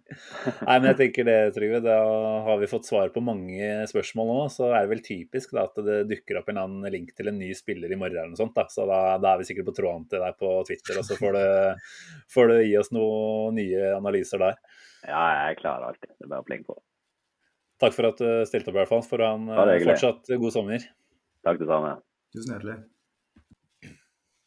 Jeg må jo bare si at det her var veldig lærerikt, eh, Simen. Eh, Det som kommer nå er kanskje ikke like lærerikt for de som lytter. Eh, Nå skal vi snakke om noe vi eh, mener vi har litt peiling på. Eh, Og det er eh, mer sentrert rundt eh, Premier League og Arsenal. Det skjer mye, altså. Mm. Veldig mye. Det har vært så stille så lenge. Eh, eller lenge og lenge. Det er ikke mer enn et par-tre uker siden serieavslutningen, føler jeg. Men det var liksom veldig stille rundt overganger, og man begynte å tenke at klassiske Arsenal venter til siste uke av overgangsvinduet. Og så bare kommer den ene historien etter den andre fra pålitelige kilder. Og jeg tenker vi må ta for oss noe av, eh, av alt det. Eh, kanskje naturlig å begynne med dagens eh, breaking news. da. Det er I dag altså tirsdag. Eh, Tirsdag i går 21.. de lytter. Eh, Ja. Håper de lytter allerede på tirsdag. Hvis ikke, skam dere. Eh, men vi fikk jo en ny Vieira rett og slett på plass, Simen. Eh, Vi snakker vel så vidt om det i introen, men eh, vi må gå litt, grann, dykke litt grann dypere. Eh, umiddelbart, hva, hva tenker du? Eh, Etter eh, ti minutter på YouTube, tenker du på ja, Eller, eh, det er jo mer enn nok til å danne seg et inntrykk. altså, det er klart når du ser de statsa hans, da. eh, Det var vel seks mål, 14 målgivende på 27 kamper i eh, den portugisiske toppdivisjonen. Eh, Jeg tror det var noe sånt, i hvert fall. Det er jo ellevilt. Eh, Og det var jo noe av det han snakka om i, i denne velkomstvideoen eh, til Arsenal her nå. At hans styrker er eh, å skåre mål og legge opp til mål. Og da tenker jeg OK, hvis du kan gjøre det, da skal du være velkommen hit, da, for å si det sånn. Eh, og så kommer man ikke unna at man ser på en litt spinkel eh, kar, som man kanskje mistenker at vil bli bølla litt med. Eh, men så skal vi jo på en måte ikke se så veldig langt, da. Eh, og ikke ut av Portugal heller, før vi ser at det går an å herje i Premier League. Selv om de fysiske forutsetningene ikke er helt, helt på plass. Og den eh, Bernardo Silva-linken, den blir jo veldig Det er jo litt latskap å dra den, kanskje, men det er vanskelig å ikke gjøre det òg. Venstrebeint, eh, deilig tekniker som opererer i det der litt sånn offensive åtter-tier-området. Eh, tenker at det er en kjempespennende spiller, eh, og at det er en sånn type som hvis en annen klubb plukker han opp, så får ikke vi hente han. Fordi han sannsynligvis vil slå gjennom, og hvis han da skal videre, så koster han Dette er jo veldig hypotetisk, men det kan fort koste 80-90 istedenfor de 30, noen og 30 med add-ons som vi har fått den for, da. Så jeg er i utgangspunktet veldig positiv til han. Eh, ser veldig fin ut på YouTube. Eh, positiv til at vi henter en som jeg i hvert fall tolker eh, skal være en slags eh, Kall det backup, kanskje, da, til Ødegaard. Eh, en som også kan bekle en mer offensiv rolle. Kanskje til og med også ha utgangspunktet sitt i den Saka-rollen. Eh, nå får vi se litt hva som skjer eh, i den posisjonen òg. Vi skal nok innom eh, en brasilianer eller to. Men jeg tenker det er helt gull. Så tror jeg den ene tingen som på en måte dukker opp som bekymring hos mange, det er at dette er jo ikke det vi har mest behov for. Skal vi Mm. bruke såpass solid pengesum på det som jo egentlig blir en stallspiller?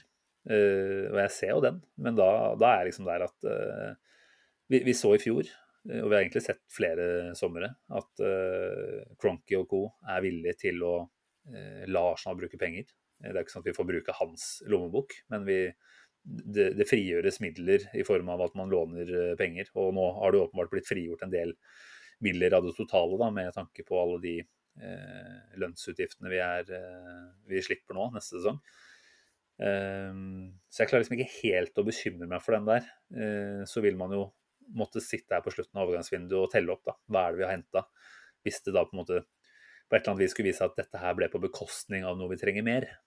Selvfølgelig da vil man være noe kritisk. Men jeg tenker å bygge tropp og bygge stall, det er kjempeviktig nå.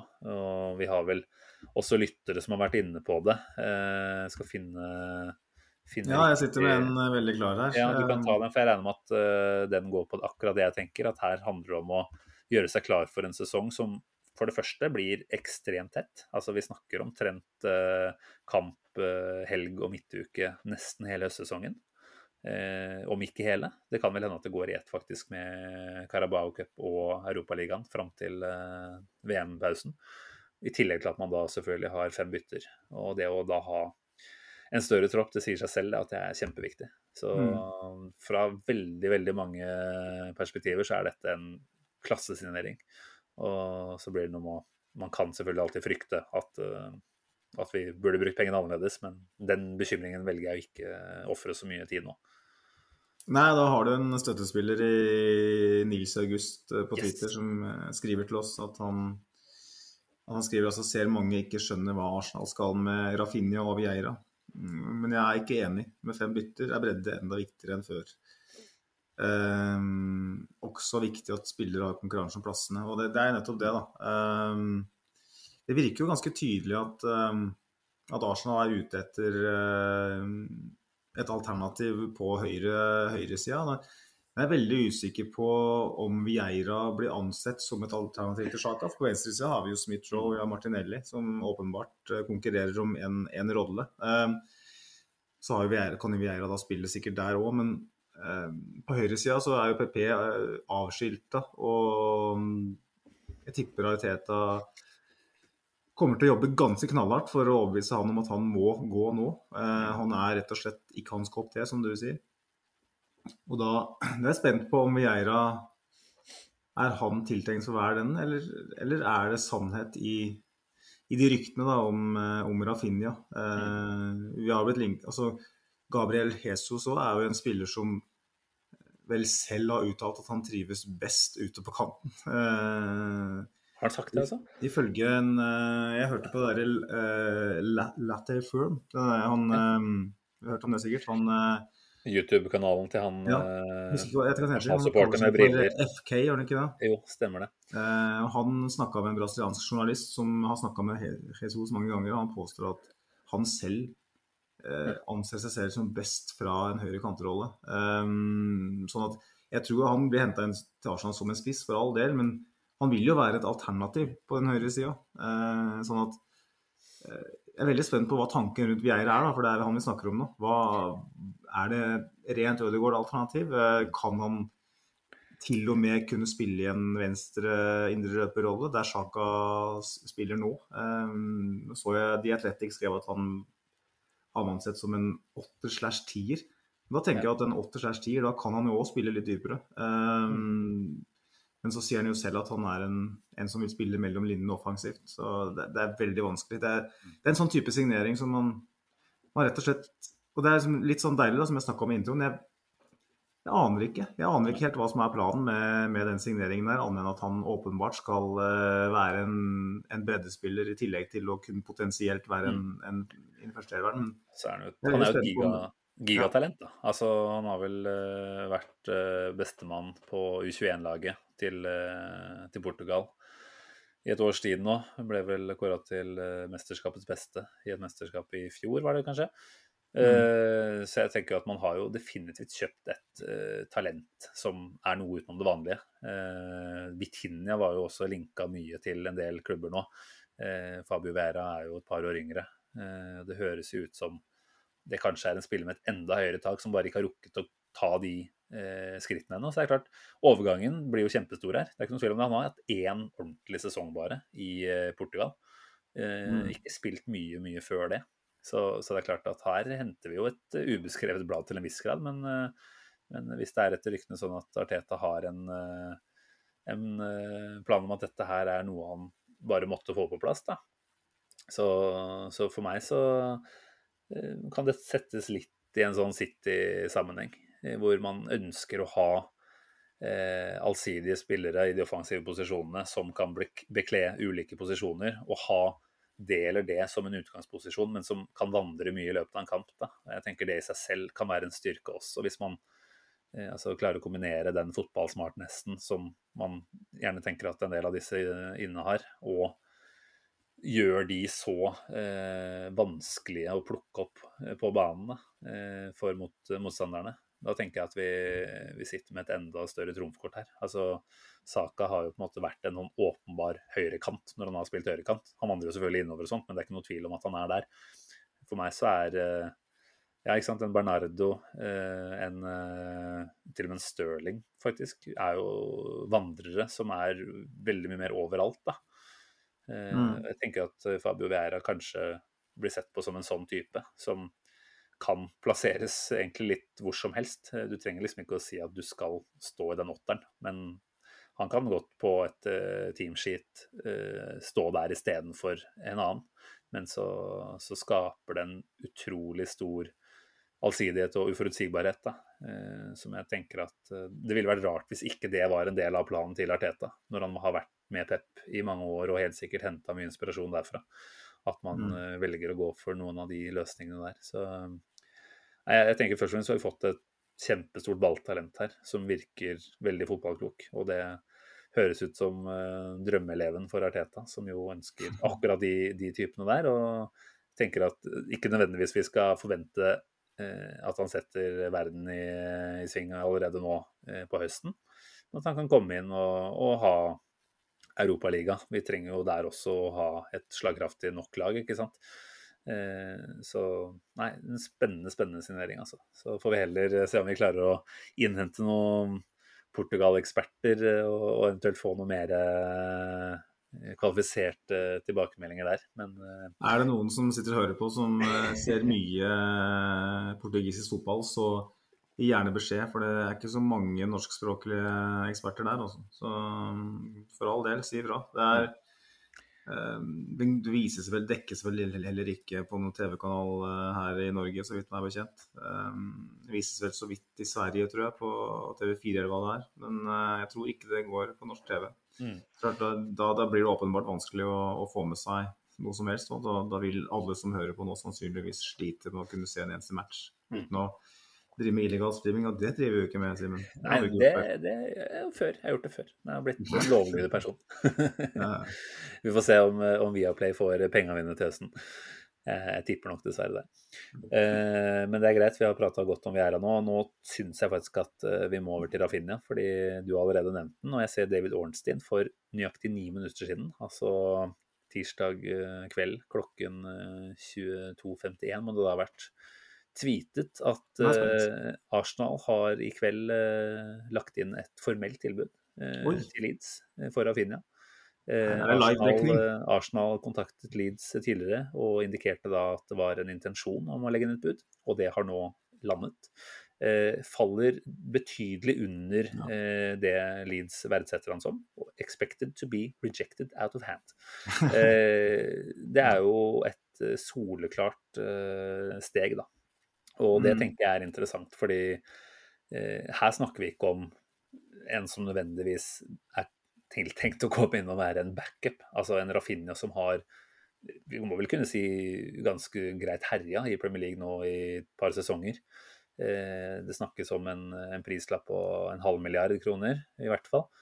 Eh, hva tenker du om, om, en sånn type inn, da? Eh, igjen, det er selvfølgelig en tropp som skal bygges og sånt, men, men her, er, her, er, vi på stjernestatus. I en posisjon hvor vi allerede har en stjerne. Ja, jeg lurer jo på om uh, Arteta har en fetisj for venstreføttere, for han er jo venstrefoteren, ikke da? Veldig. En klassisk høyreorientert spiller som liker å trekke inn uh, innover i banen. og hadde en lærer på ungdomsskolen som eh, forskjellsbehandla veldig. Eh, som bodde på gård og skrev med venstre, da fikk du bedre karakterer. Det testa vi faktisk. Vi ble busta. Um, jeg lurer på om Arteta har en liten fetisj der. jeg vet ikke. Det, man lurer liksom på hvor mange av den typen skal man ha. Du har Rødegård, du har eh, Saka, du har Vieira nå. Eh, Rafinha. Um, mm. Åpenbart så kan flere av de spillerne spille i flere posisjoner. og mm. Man må jo ha et alternativ til, uh, til Saka òg, hvis PP forsvinner. Og, og, hvis han kommer inn, så er det et veldig tydelig tegn på at Vieira ikke skal spille eh, høyrekant. Um, det er klart at, vi, at en Rafinha vil jo åpenbart heve nivået på troppen vår umiddelbart. Altså, det er en spiller som Barcelona vil ha, som eh, jeg er overraska at ikke flere vil ha. Det er en game changer potensielt. Har vel vært snakk om både, både, Chelsea og Tottenham der, så at ingen andre vil ha han, det, det er nok ikke riktig, men eh, Nei, det er altså men, bare sånn at ingen flere er mer seriøse, da. Så at det ikke er Det, er klart, det kan jo skje nå, selvfølgelig, da. Men at, at Arsenal da potensielt i den situasjonen vi er i. Uh, Utafor Champions League igjen. Uh, mm. Skal klare å, å, lokke til oss en Rafinha. Det, det, det antar nesten klubben ser på som en mulighet eh, som kanskje ikke forventa å få. Jeg vet ikke. Um, vet ikke, Simen. Altså, nå, nå, ser vi jo Premier League, da. Sånn at eh, i motsetning til Vieira, så kan vi jo komme med noen betraktninger rundt Rafinha av eh, suge på eget bryst, var ikke han felleslæreren vår sa for en del år siden. Det høres jo fryktelig fælt ut, men uh, det er nå det vi prøver å gjøre. Uh, er, det, er, det, en spiller, altså hvis du ser, uavhengig av hva slags uh, rolle han spiller, da, er det en spiller du mener Arsenal bør bruke si 50 millioner, 60 millioner pund på? Det er jo det store spørsmålet. Og i mine øyne så er han jo en kjempespiller som det absolutt er verdt å hente. Og så, så blir det litt sånn Skal man si at 50 millioner er for mye, eh, eller om det blir opp mot 60? Det høres jo umiddelbart særdeles grovt ut for en som ikke nødvendigvis kommer inn og spikrer en første, førstelagsplass, da. Eh, det må jeg jo si. Men så er det sånn at pengene er det noe jeg skal bekymre meg for mye for. Eh, egentlig ikke, så lenge de faktisk bruker de pengene de skal på de posisjonene som er enda mer prekære også. Eh, så jeg føler at det er litt for tidlig å felle den endelige dommen. Det får vi heller komme tilbake til eh, når overgangsvinduet er, er ved sin slutt. Men, men spiller Ramfinha kan jo absolutt si at jeg har lyst på. Det er jo et eller annet som Eh, altså, åpenbart, Vi kan ikke bruke Saka i 38 Premier League-matcher. Vi så den sesongen her hvor sinnssykt utslitt han var på flere stadier av sesongen. egentlig. Han så ordentlig sliten ut. Eh, det er klart, Kan du, kan du benke Saka, eh, kjøre på en Rafinha og så heller sette inn Saka siste 20, og du kan gjøre det motsatte. Du kan starte Saka, du kan sette inn Rafinha mot litt slitne bein, og du kan jo selvfølgelig også bruke han helt sikkert på venstre kantrolle, um, tipper jeg. Tror ikke det skal være vanskelig å få til det. Så jeg tenker jo vi er liksom tilbake til det samme svaret som ved forrige spiller. da. Det er noe som hever kvaliteten på stallen betraktelig. Han er en kjempespiller. Han har bevist i Premier League over tid nå. Uh, I et lag som jo uh, Ja, i år så sleit de jo, virkelig. I fjor så var de ålreite. Men, men, det er noen grunnferdigheter der som er kjempespennende. Så um, kommer i en prime Han er vel 25 år, er han ikke det? Ja. rundt 25. Og jeg tenker at da er det på en måte der at vi jo bør kunne forvente tosifra både i mål og Assis-protokollen nesten uh, fra første stund. Uh, litt avhengig av hvor mye spilletid han får, selvsagt. Men ja, jeg tror jeg vil påstå at jeg mener at han er Ja, kall det verdt å hente, da. under den forutsetninga at man har penger nok igjen til de andre. Og det mm. Altså, Vi skal ikke mange år tilbake før vi henta en uh, høyrekantspiller for helt sinnssykt uh, mye penger, som aldri viste seg i nærheten. Og jeg tror ikke den eh, feilen på en måte begås på nytt her. Eh, men selvfølgelig da kommer han også med en prislapp som gjør at forventningene er, er større. og Vanskelig å se hvordan det kan påvirke han da psykologisk og sånt, men utgangspunktet er ja, positiv. Ja, det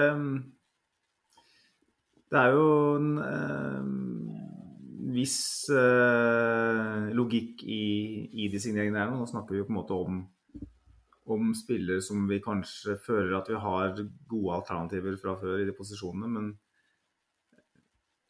vi har jo sett en Arteta som har vært veldig opptatt av å hente spillere som kan ta seg forbi ledd. Eh, det var et kjempeproblem eh, innledningsvis under hans ledelse, når vi så en William som eh,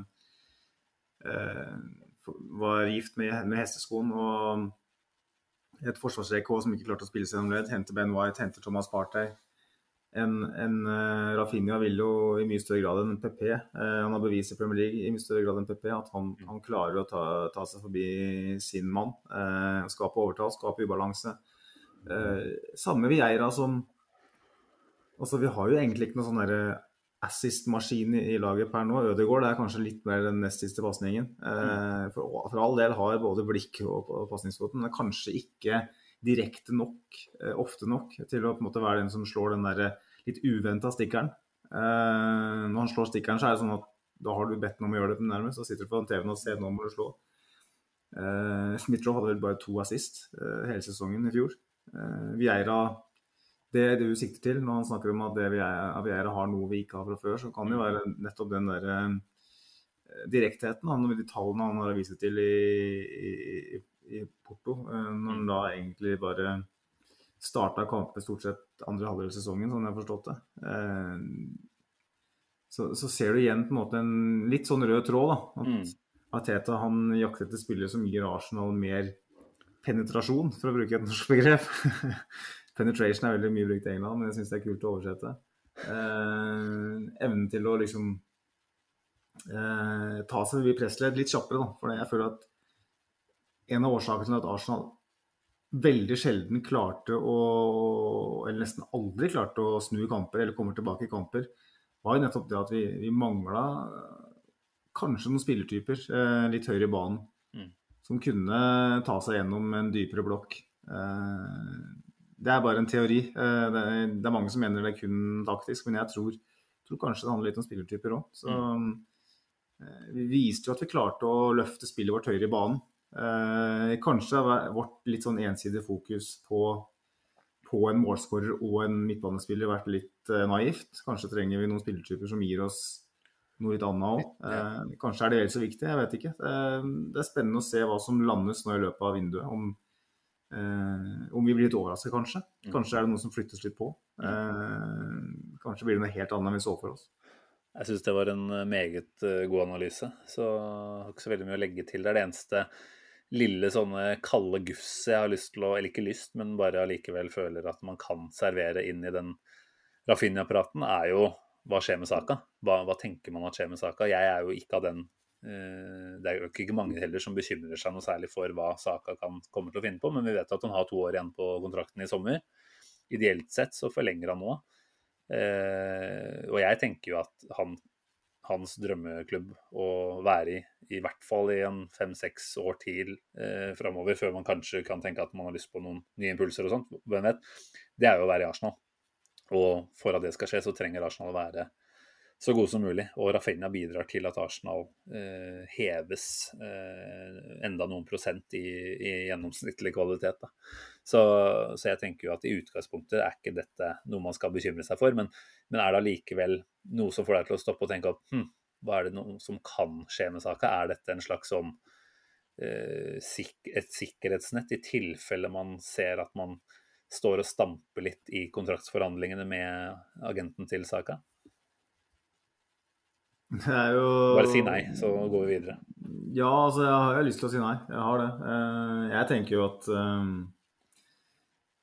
at det som du var inne på litt tidligere, at, eh, at Teta ønsker litt mer flytende angrep. At han kan bevege seg litt på tvers av hverandre og kanskje starte litt ulike posisjoner uten at det nødvendigvis trenger å ta bort Sting og, og pondusen i angrepet. Arsenal på noe som helst slags tids, eh, måte nå planlegger for en framtid uten Saka, det klarer jeg ikke å se. Nei, jeg er enig. Jeg tenkte bare det var greit å ha nevnt det. Selv om det er sikkert mm. noen som tenker at det var veldig unødvendig å ødelegge Nei, men det er mange som tenker det. Mange som tenker det nå. Klart det. det ja, men greit. Vi får se. Det er bare to år i av kontrakten, ikke sant? Så. Ja. ja da, det er bare å høre på Raoul Sanier der. Det er ikke mye vi skal lytte til han på, men akkurat det er jo helt sant. To år mm. er liksom det gylne øyeblikket du må finne ut av ting på, egentlig. Eh, da tenker jeg at Rafinha er godt dekt, eh, iallfall for nå. Så har det sikkert skjedd eh, fram og tilbake en del ting fram til neste gang vi prater om den. Neste må jo kanskje bli en brasse til. Nå er det jo sånn at vi snart kan begynne å omdøpe Arsenal til Brassenal, er det ikke det? Eh, og særlig hvis eh, Gabriel Jesus også skulle eh, komme inn portene. Den er det jo enda mer, egentlig, som tyder på at vil skje. De, de linkene der har vært der i lang tid nå. Litt fram og tilbake. Men siden jeg har begynt med sånn live-oppdatering, tydeligvis, da, så kan jeg ta med den her fra Fabrizio Romano, som kom ut nå for uh, ca. ti minutter siden. Han skriver da at Arsenal jobber på det, og forhandlingene er veldig avanserte, eller advanced. Eh, Arsenal eh, må nå være Eller må nå handle raskt da, for, på de avgjørende detaljene som involverer spiller- og agentgreier for å mm. få avtalen over linja. Tottenham og PSG venter visstnok for å se hva som vil skje med denne historien. Eh, jeg føler meg ganske trygg på at Jesus kommer. Jeg er sånn per nå åtte av ti faktisk eh, trygg på at han er i Arsenal eh, til sesongstart. Hva tenker du? Ja, altså når vi snakker om Jesus og tro, så går det gjerne hånd i hånd. Men jeg har ikke en like sterk følelse som deg. Jeg tror, jeg tror det skjer, men jeg føler jo at det her er en sånn deal som fort kan eh, bli eh, hijacka av noen andre. Nå så jeg Lukaku vel var bortimot bekrefta, hvis han ikke var bekrefta til vinter. Godt poeng. Eh, Chelsea, dem eh, nå, nå, ser jeg jo at både Bruce Buck og hun derre Marina Granalska, ja. Eh, forsvinner. Som da på en måte har vært eh, primus motorene kanskje for, med Abramovic i ryggen når det gjelder den businessmodellen de har hatt. Da. Men Chelsea ja. dem er jo som en gribb måke som står og venter på fiskeslam når noen står og, står og sløyer en fisk. De gjør jo aldri jobben sjøl.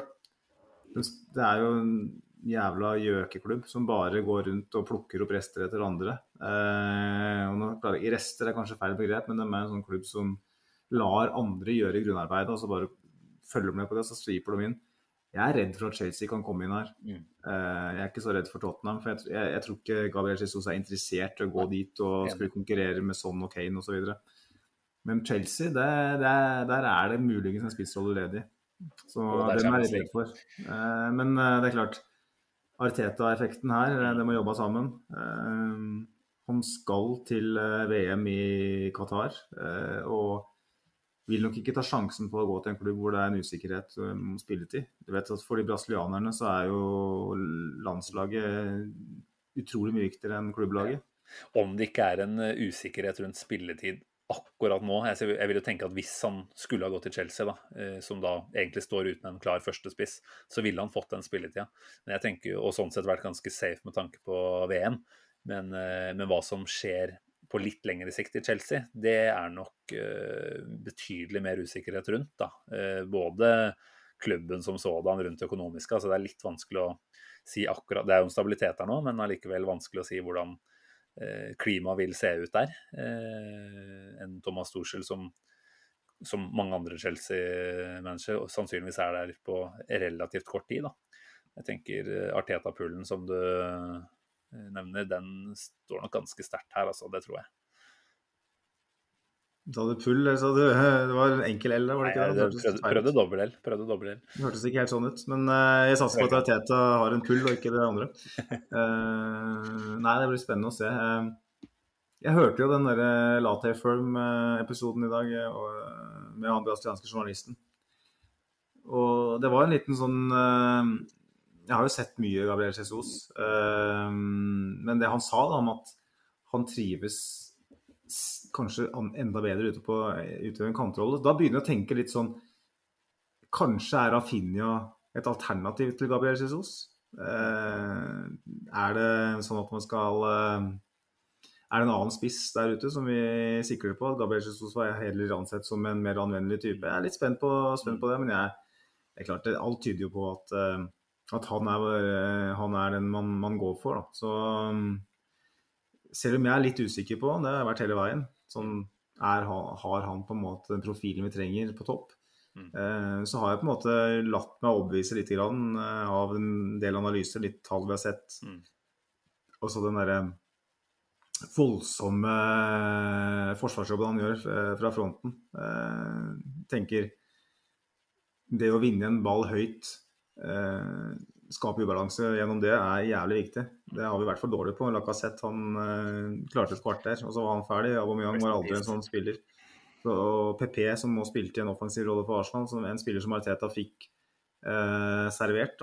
Um, mm. Vi har jo ikke hatt eh, de typene offensive spillere. Ariteta har jo henta én offensiv spiller, egentlig, i Ødegaard, og han er jo en voldsom presser.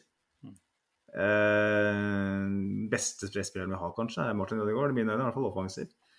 Eh, og det er gjerne der man presser mest òg. Så jeg føler at Gabriel Jesus-signeringen eh, potensielt, kombinert med det at han henta Ødegaard, det sier kanskje litt om, om hva, hva Teta prøver å bygge mm. lenger frem i banen. Og om om Gabriel Jesus er en som kommer til å skåre 20 ligamål for oss, det vet jeg ikke. Eh, det er der jeg er usikker. Men sånn rent sånn funksjonelt mekanisk så, så, er jeg ganske sikker på at Jesus er en veldig god spiller i klubben. Er, men det å skåre mål er viktig, da. Så jeg vet ikke hva du tenker om det, Simen. Eh, er han har jo han, un, han, underpresterer i forhold til XG. Mm. Eh, ganske, ja, ganske, ja, ganske, betydelig. Jeg husker ikke akkurat, men jeg tror vi snakka om en sånn type fire-fem mål under XG-en sin. Jeg mm. vet ikke om det gjør sjelene for alle sesongene, eller om det var kun den siste. Ja, det, er, det, var nok kanskje mer betydelig den sesongen her, men det er en trend, da. Mm. Det har vært sånn ja, nei, altså, gjennom tre sesonger, da, kan du si. Alt tyder på at han er en smart angrepsspiller som ved siden av å gjøre mye av disse pressbiten også beveger seg smart. Men uh, hvor god avslutter er han, da? Altså Han slår meg kanskje ikke som en klinisk en, uh, som potensielt da trenger en del sjanser for å, for å omsette i nok skåringer, da. Så det er klart at han er sånn kanskje i det alderssjiktet nå hvor du kan begynne å tenke at han er ferdig utvikla, eh, men han har tross alt ikke fått altså Jeg har ikke oversikt nå eh, over hvor mange kamper han har fått sammenhengende over periode. Eh, men jeg sitter med et inntrykk av at det ikke har vært så ofte og så mange kamper av gangen. Det har blitt litt her og der. og det er klart Hvis han mm. kommer inn i et lag og blir en del av en flyt, da, og, og måtte, tar det steget, så kan han bevise noe for seg selv der, og at han er en mer Eh, målfarlig spiss enn det han kanskje har gjort seg bekjent av nå de siste årene. Da. Så en kjempespennende spiller, og man er litt der at han har jobba med Arteta. Eh, Arteta jobber med han. Eh, kjenner han åpenbart godt. og Jeg tenker det er nesten da så enkelt som at vil Arteta ha han, og går han for han, så, så har jeg troa på at det blir veldig bra. Eh, Mm. Kan man selvfølgelig ta den der praten om høyde litt igjen, da. At eh, han ikke Ja. nødvendigvis gir eh, den presensen eh, som man kanskje trenger i en del kamper, i hvert fall. Eh, og at man ikke nødvendigvis får den, eh, det hodemålet å sikte på inni der, da. Eh, så er det bare å slå lave innlegg og spille på andre måter, selvfølgelig. Men det er det, er det med å ha en litt sånn alternativ, desperat plan som man kan eh, dunke på de siste ti minuttene hvis det trengs. da. Så Mm. Ja, jeg, jeg syns det er spennende igjen. Eh, nå får vi se da, om, det, om det viser seg å, å bli noe av. Eh, jeg syns du har noen poenger her, når du ikke nødvendigvis sier at det er helt gitt. da. Eh, det, det, Nei, altså vi satt jo her for eh, to år siden når vi var uh, nybakte uh, podkastforeldre, holdt på å si. Når vi hadde skapt det barnet som er Arsenal Station Pod. Eh, så snakka vi om at José var er 80 sikker på å bli Arsenal-spiller. For nå var det så mange kilder som det osv. Har vært eh, Vi snakka litt om det innledningsvis, at eh, eh, gjennom de kildene jeg hadde, kildene jeg hadde før, så uh, fikk jeg servert info parallelt med det som ble meldt i media. Og noen ganger så Sånn som David Ornstein og uh, til dels Romano og de mest Kall det pålitelige, da. Eh, de får mye info fra klubbene, ikke sant. Mm. Så det er, det klubbene ønsker at skal komme ut i media. Spesielt Ornstein har vært eh, Spesielt når han var i BBC, så var det voldsomt. Da var han jo en, nesten et talerør for klubben. Så hvis Arsenal har en, en agenda, altså hvis de prøver å på en måte eh, distrahere oppmerksomheten over på noen andre, så kan de bruke slike sagaer, sånn som eh, hvor Arsenal sjøl har brukt. Så, men det er klart, det er, en, det, er, en saga som har vart såpass lenge nå at eh, jeg ville nok, eh, vært, jeg ville nok gitt uh, mer enn 50 sjanse ja. for at det skjer. Og, Men 8 av 10, altså 80 sjanse, der er vi ikke. Ikke i dine øyne. som vanlig. Nei, men det, det høres fornuftig ut, det, altså. Og så blir jo vi, altså åpenbart når selv de beste journalistene som er tettest på klubben, ikke har nubbsjans på å følge på en eh, overgang som faktisk blir noe av, da. Så kan ikke vi sitte her og late som at vi veit en damn shit. Vi har ikke peiling, rett og slett. Og det er jo det som er litt gøy nå, at jeg sitter nesten og venter på at vi blir overraska en gang til, da. Og, og det syns jeg er en spennende tanke. Hvem er det man potensielt sett kan bare se at det dukker opp fra intet igjen, da. Det, er litt, ja, men Rafinha er jo nesten litt Jo, der. Klart, nå blir det saga etter hvert, da. Ja. Men, og kanskje han har blitt nevnt, men med tanke på at eh, vi har Saka, at vi har PP fortsatt, og at Vieira kommer inn som da er en potensiell spiller i sånn posisjon, så jeg vil ikke ha satt så mye som uh, det rødt øre på at, uh, at vi skal hente Rafinha, liksom. Um, der ser du hva, hvor lite vi vet, da. Uh, det er det som er jævlig kult. Men når jeg hører Rafinha, så tenker jeg hvorfor går man ikke for uh, Genabri, da? Uh, ikke sant? Sånn at, uh, som er sånn åpenbar ett år igjen på kontrakten. Han er bare ett år eldre faktisk enn uh, Rafinha. Halvannet nesten, da, men still. Eh, jeg tenkte liksom Og der får du kanskje litt av den eh, litt mer Anir-rollen som du kan tenke deg at det kunne vært fint å dekke opp iblant òg. Nei, jeg er helt enig. Eh, spennende og hvorfor det der bare ble helt borte også. Men kanskje det er nettopp det, da. Det var der, og så ble det borte. Så kommer det plutselig tilbake. Så plutselig i morgen så sitter vi og, og ser tilbake på den poden her som utdatert. Det gjør vi nok uansett. Det, det skal fort, fort gjøres, det. Eh, vi har vel kanskje én spiller til vi skal ta oss tid til å rekke innom før vi runder av. Og da tenker jeg jo selvfølgelig på Lisandro Martinez fra Ajax. Eh, hvis vi følte oss ferdig med disse andre, er det greit? Ja, ja. Ja. Eh, Kjør på. Eh, den også dukka jo litt opp sånn plutselig her. Eh, Jeg husker ikke hvem Mm. som var ute og meldte men eh, fram til nå så er det vel flere av de eh, velkjente som har vært ute og, og skrevet at man har en interesse der, i hvert fall. At det har vært snakk om et bud på 25 millioner pund eller noe sånt, euro. Jeg tror vel til og med David Ornstein har meldt om et eh, 30 millioner euro-bud her. Som ble avvist. eh, ja. Ja. Så Eh, da vil man jo tro at eh, det er jo info han sannsynligvis da har fått fra, Mm. fra klubben. Da. Så da kan man jo spekulere i hva, hva tanken bak det er. Men eh, gir jo veldig mening, da. I motsetning til Rafinha og til dels Vieira òg, så føler jeg at Lisandro Martinez, eh, basert på det lille jeg har sett og det, det jeg har lest, det er en spiller som har vært gitt kjempemye mening. For at han kan bekle i hvert fall, jeg mener i hvert fall to roller, kanskje tre, kan si som vi tre, virkelig altså. trenger spillere. Ja. ja, helt åpenbart. Og det er vel i stopperrollen han har vært øh, og sett typisk for øh, Ajax. Eh, Så er han relativt liten av størrelse, som gjør at det er lett å se for seg at han også eh, kan gjøre den venstreback-jobben eh, vel så godt. Eh, det å hente en som kan bekle begge de to, er jo helt gull. Og i en del kampbilder i Premier League så vil nok han uten tvil kunne gi oss den ekstra penetrasjonen da, som du snakker om bakfra. Hørtes i hvert fall ikke bra ut. Eh, men, eh, men eh, det er klart det er en venstrebeint stopper som Gabriel fortsatt har noen steg å ta da, i pasningsspill og, og langpasningsspillet. Så ser jo Martinez ut til å være helt rå når det kommer til både lange og korte pasninger. Så jeg tenker at fra den posisjonen så vil man jo få en ny dimensjon, og sannsynligvis også som en backup på en eh, defensiv midtbane. eh, hvis uhellet skulle være ute eh, og vi skulle mangle en Thomas Party. Det kan jo hende Tenk- det kan skje. Du får være backup for både Kirin Tino og Thomas Partey. Ja. Da får du spille mye. Ja, ikke sant. Men det er klart, det blir jo en per nå, hvis vi ser at Saliba blir en femte stopper. Nå skal vi jo ikke forskuttere noe og si at dette skjer, men ser du da for deg at en av Holding eller Saliba er på vei ut? Det er jo nærliggende å tenke holdning med tanke på at han har en del mangler i spillet sitt, eh, men så har han jo vist igjen at han er en perfekt eh, innbytter i en del eh, matchbilder. Hvordan ser du for deg den midtbanen, eller midtstopperkonstellasjonen totalt sett? da? Nei, det, det, det er en spennende tanke, fordi, og en litt skremmende tanke kanskje òg. Vi ønsker jo veldig sterkt at Saliba skal komme inn nå og endelig servere det vi har venta på i, i to år. Um, Hvis ikke er tre år òg.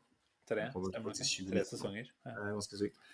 Um, men jeg føler at det er en viss risiko for at det er han som forsvinner, da. Um, jeg tenker Holding, hvis han er Jeg vet ikke.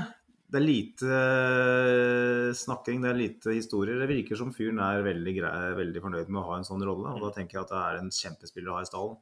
Han vil ikke kreve noe voldsomt med, med lønn eller noe som helst. Så jeg er mer redd for at det er en Saliba som fort kan forsvinne ut, da. men samtidig eh, så er jo Lisandro Martinez eh, en venstrebeint eh, En venstre back slash venstre stopper, mens Saliba er en høyre stopper. Så de to bør jo i utgangspunktet ikke ha en relasjon sånn sett. Eh, jeg tenker at det er handler om at uh, Arteta ser litt det samme her som med Tommy Yasu. At det er, her er en spiller som kan spille både stopper og back. Um, og om han er et alternativ på midten eventuelt, det aner jeg ikke. Men uh, for meg så Jeg tror ikke det her er så veldig relatert til stopperkonstellasjonen sånn Nei. generelt. Nei.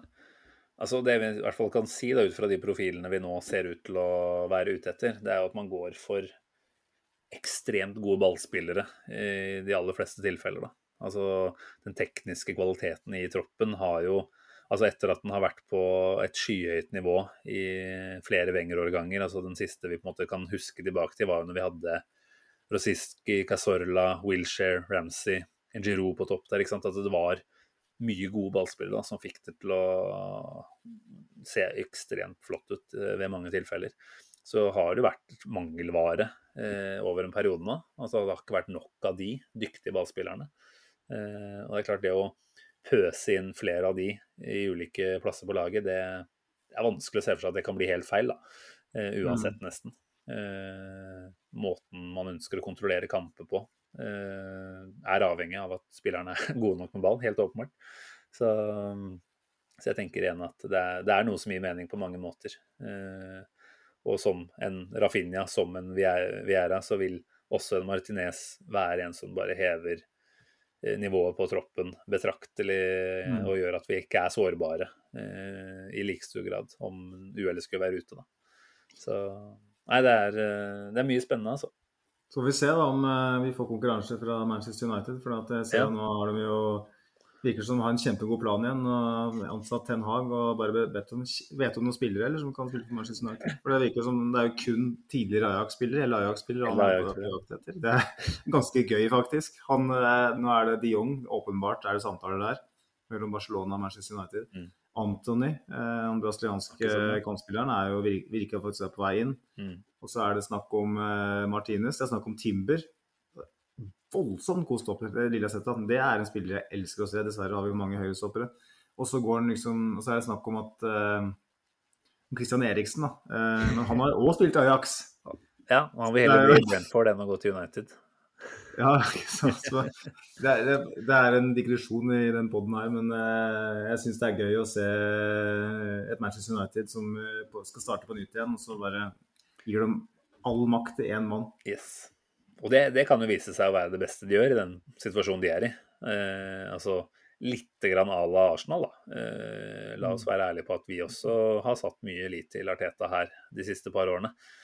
Så, men det er klart, også åpenbart bruke kun de spillerne omtrent en trener kjenner til, det, det vitner jo om at det er null og niks peiling omtrent i det øvrige sjiktet i, i de kontorene på Old Trafford. Da. Men det er en digresjon, som du sier. Vi får håpe at vi kan le av de også når sesongen starter.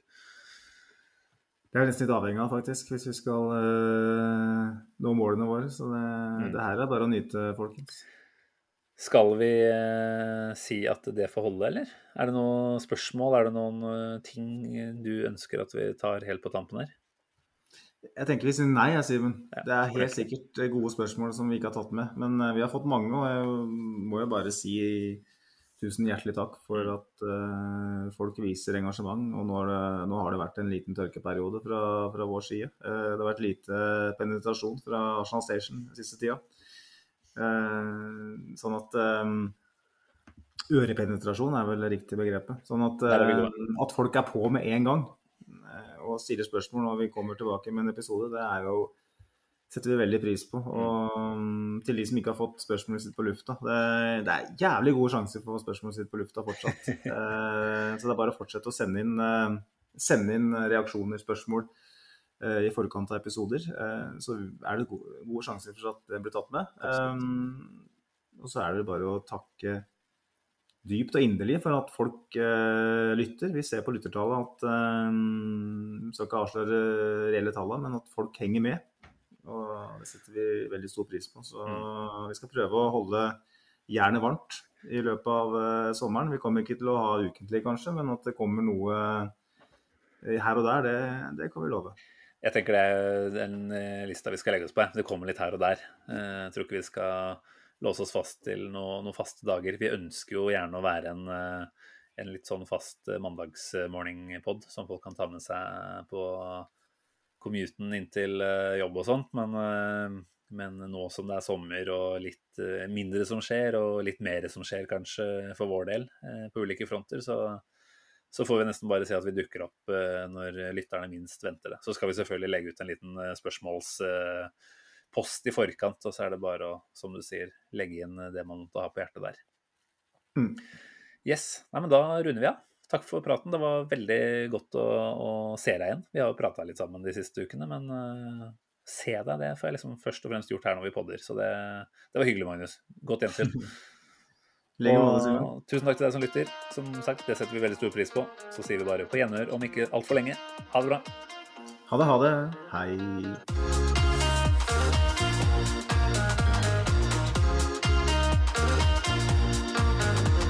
This train terminates here.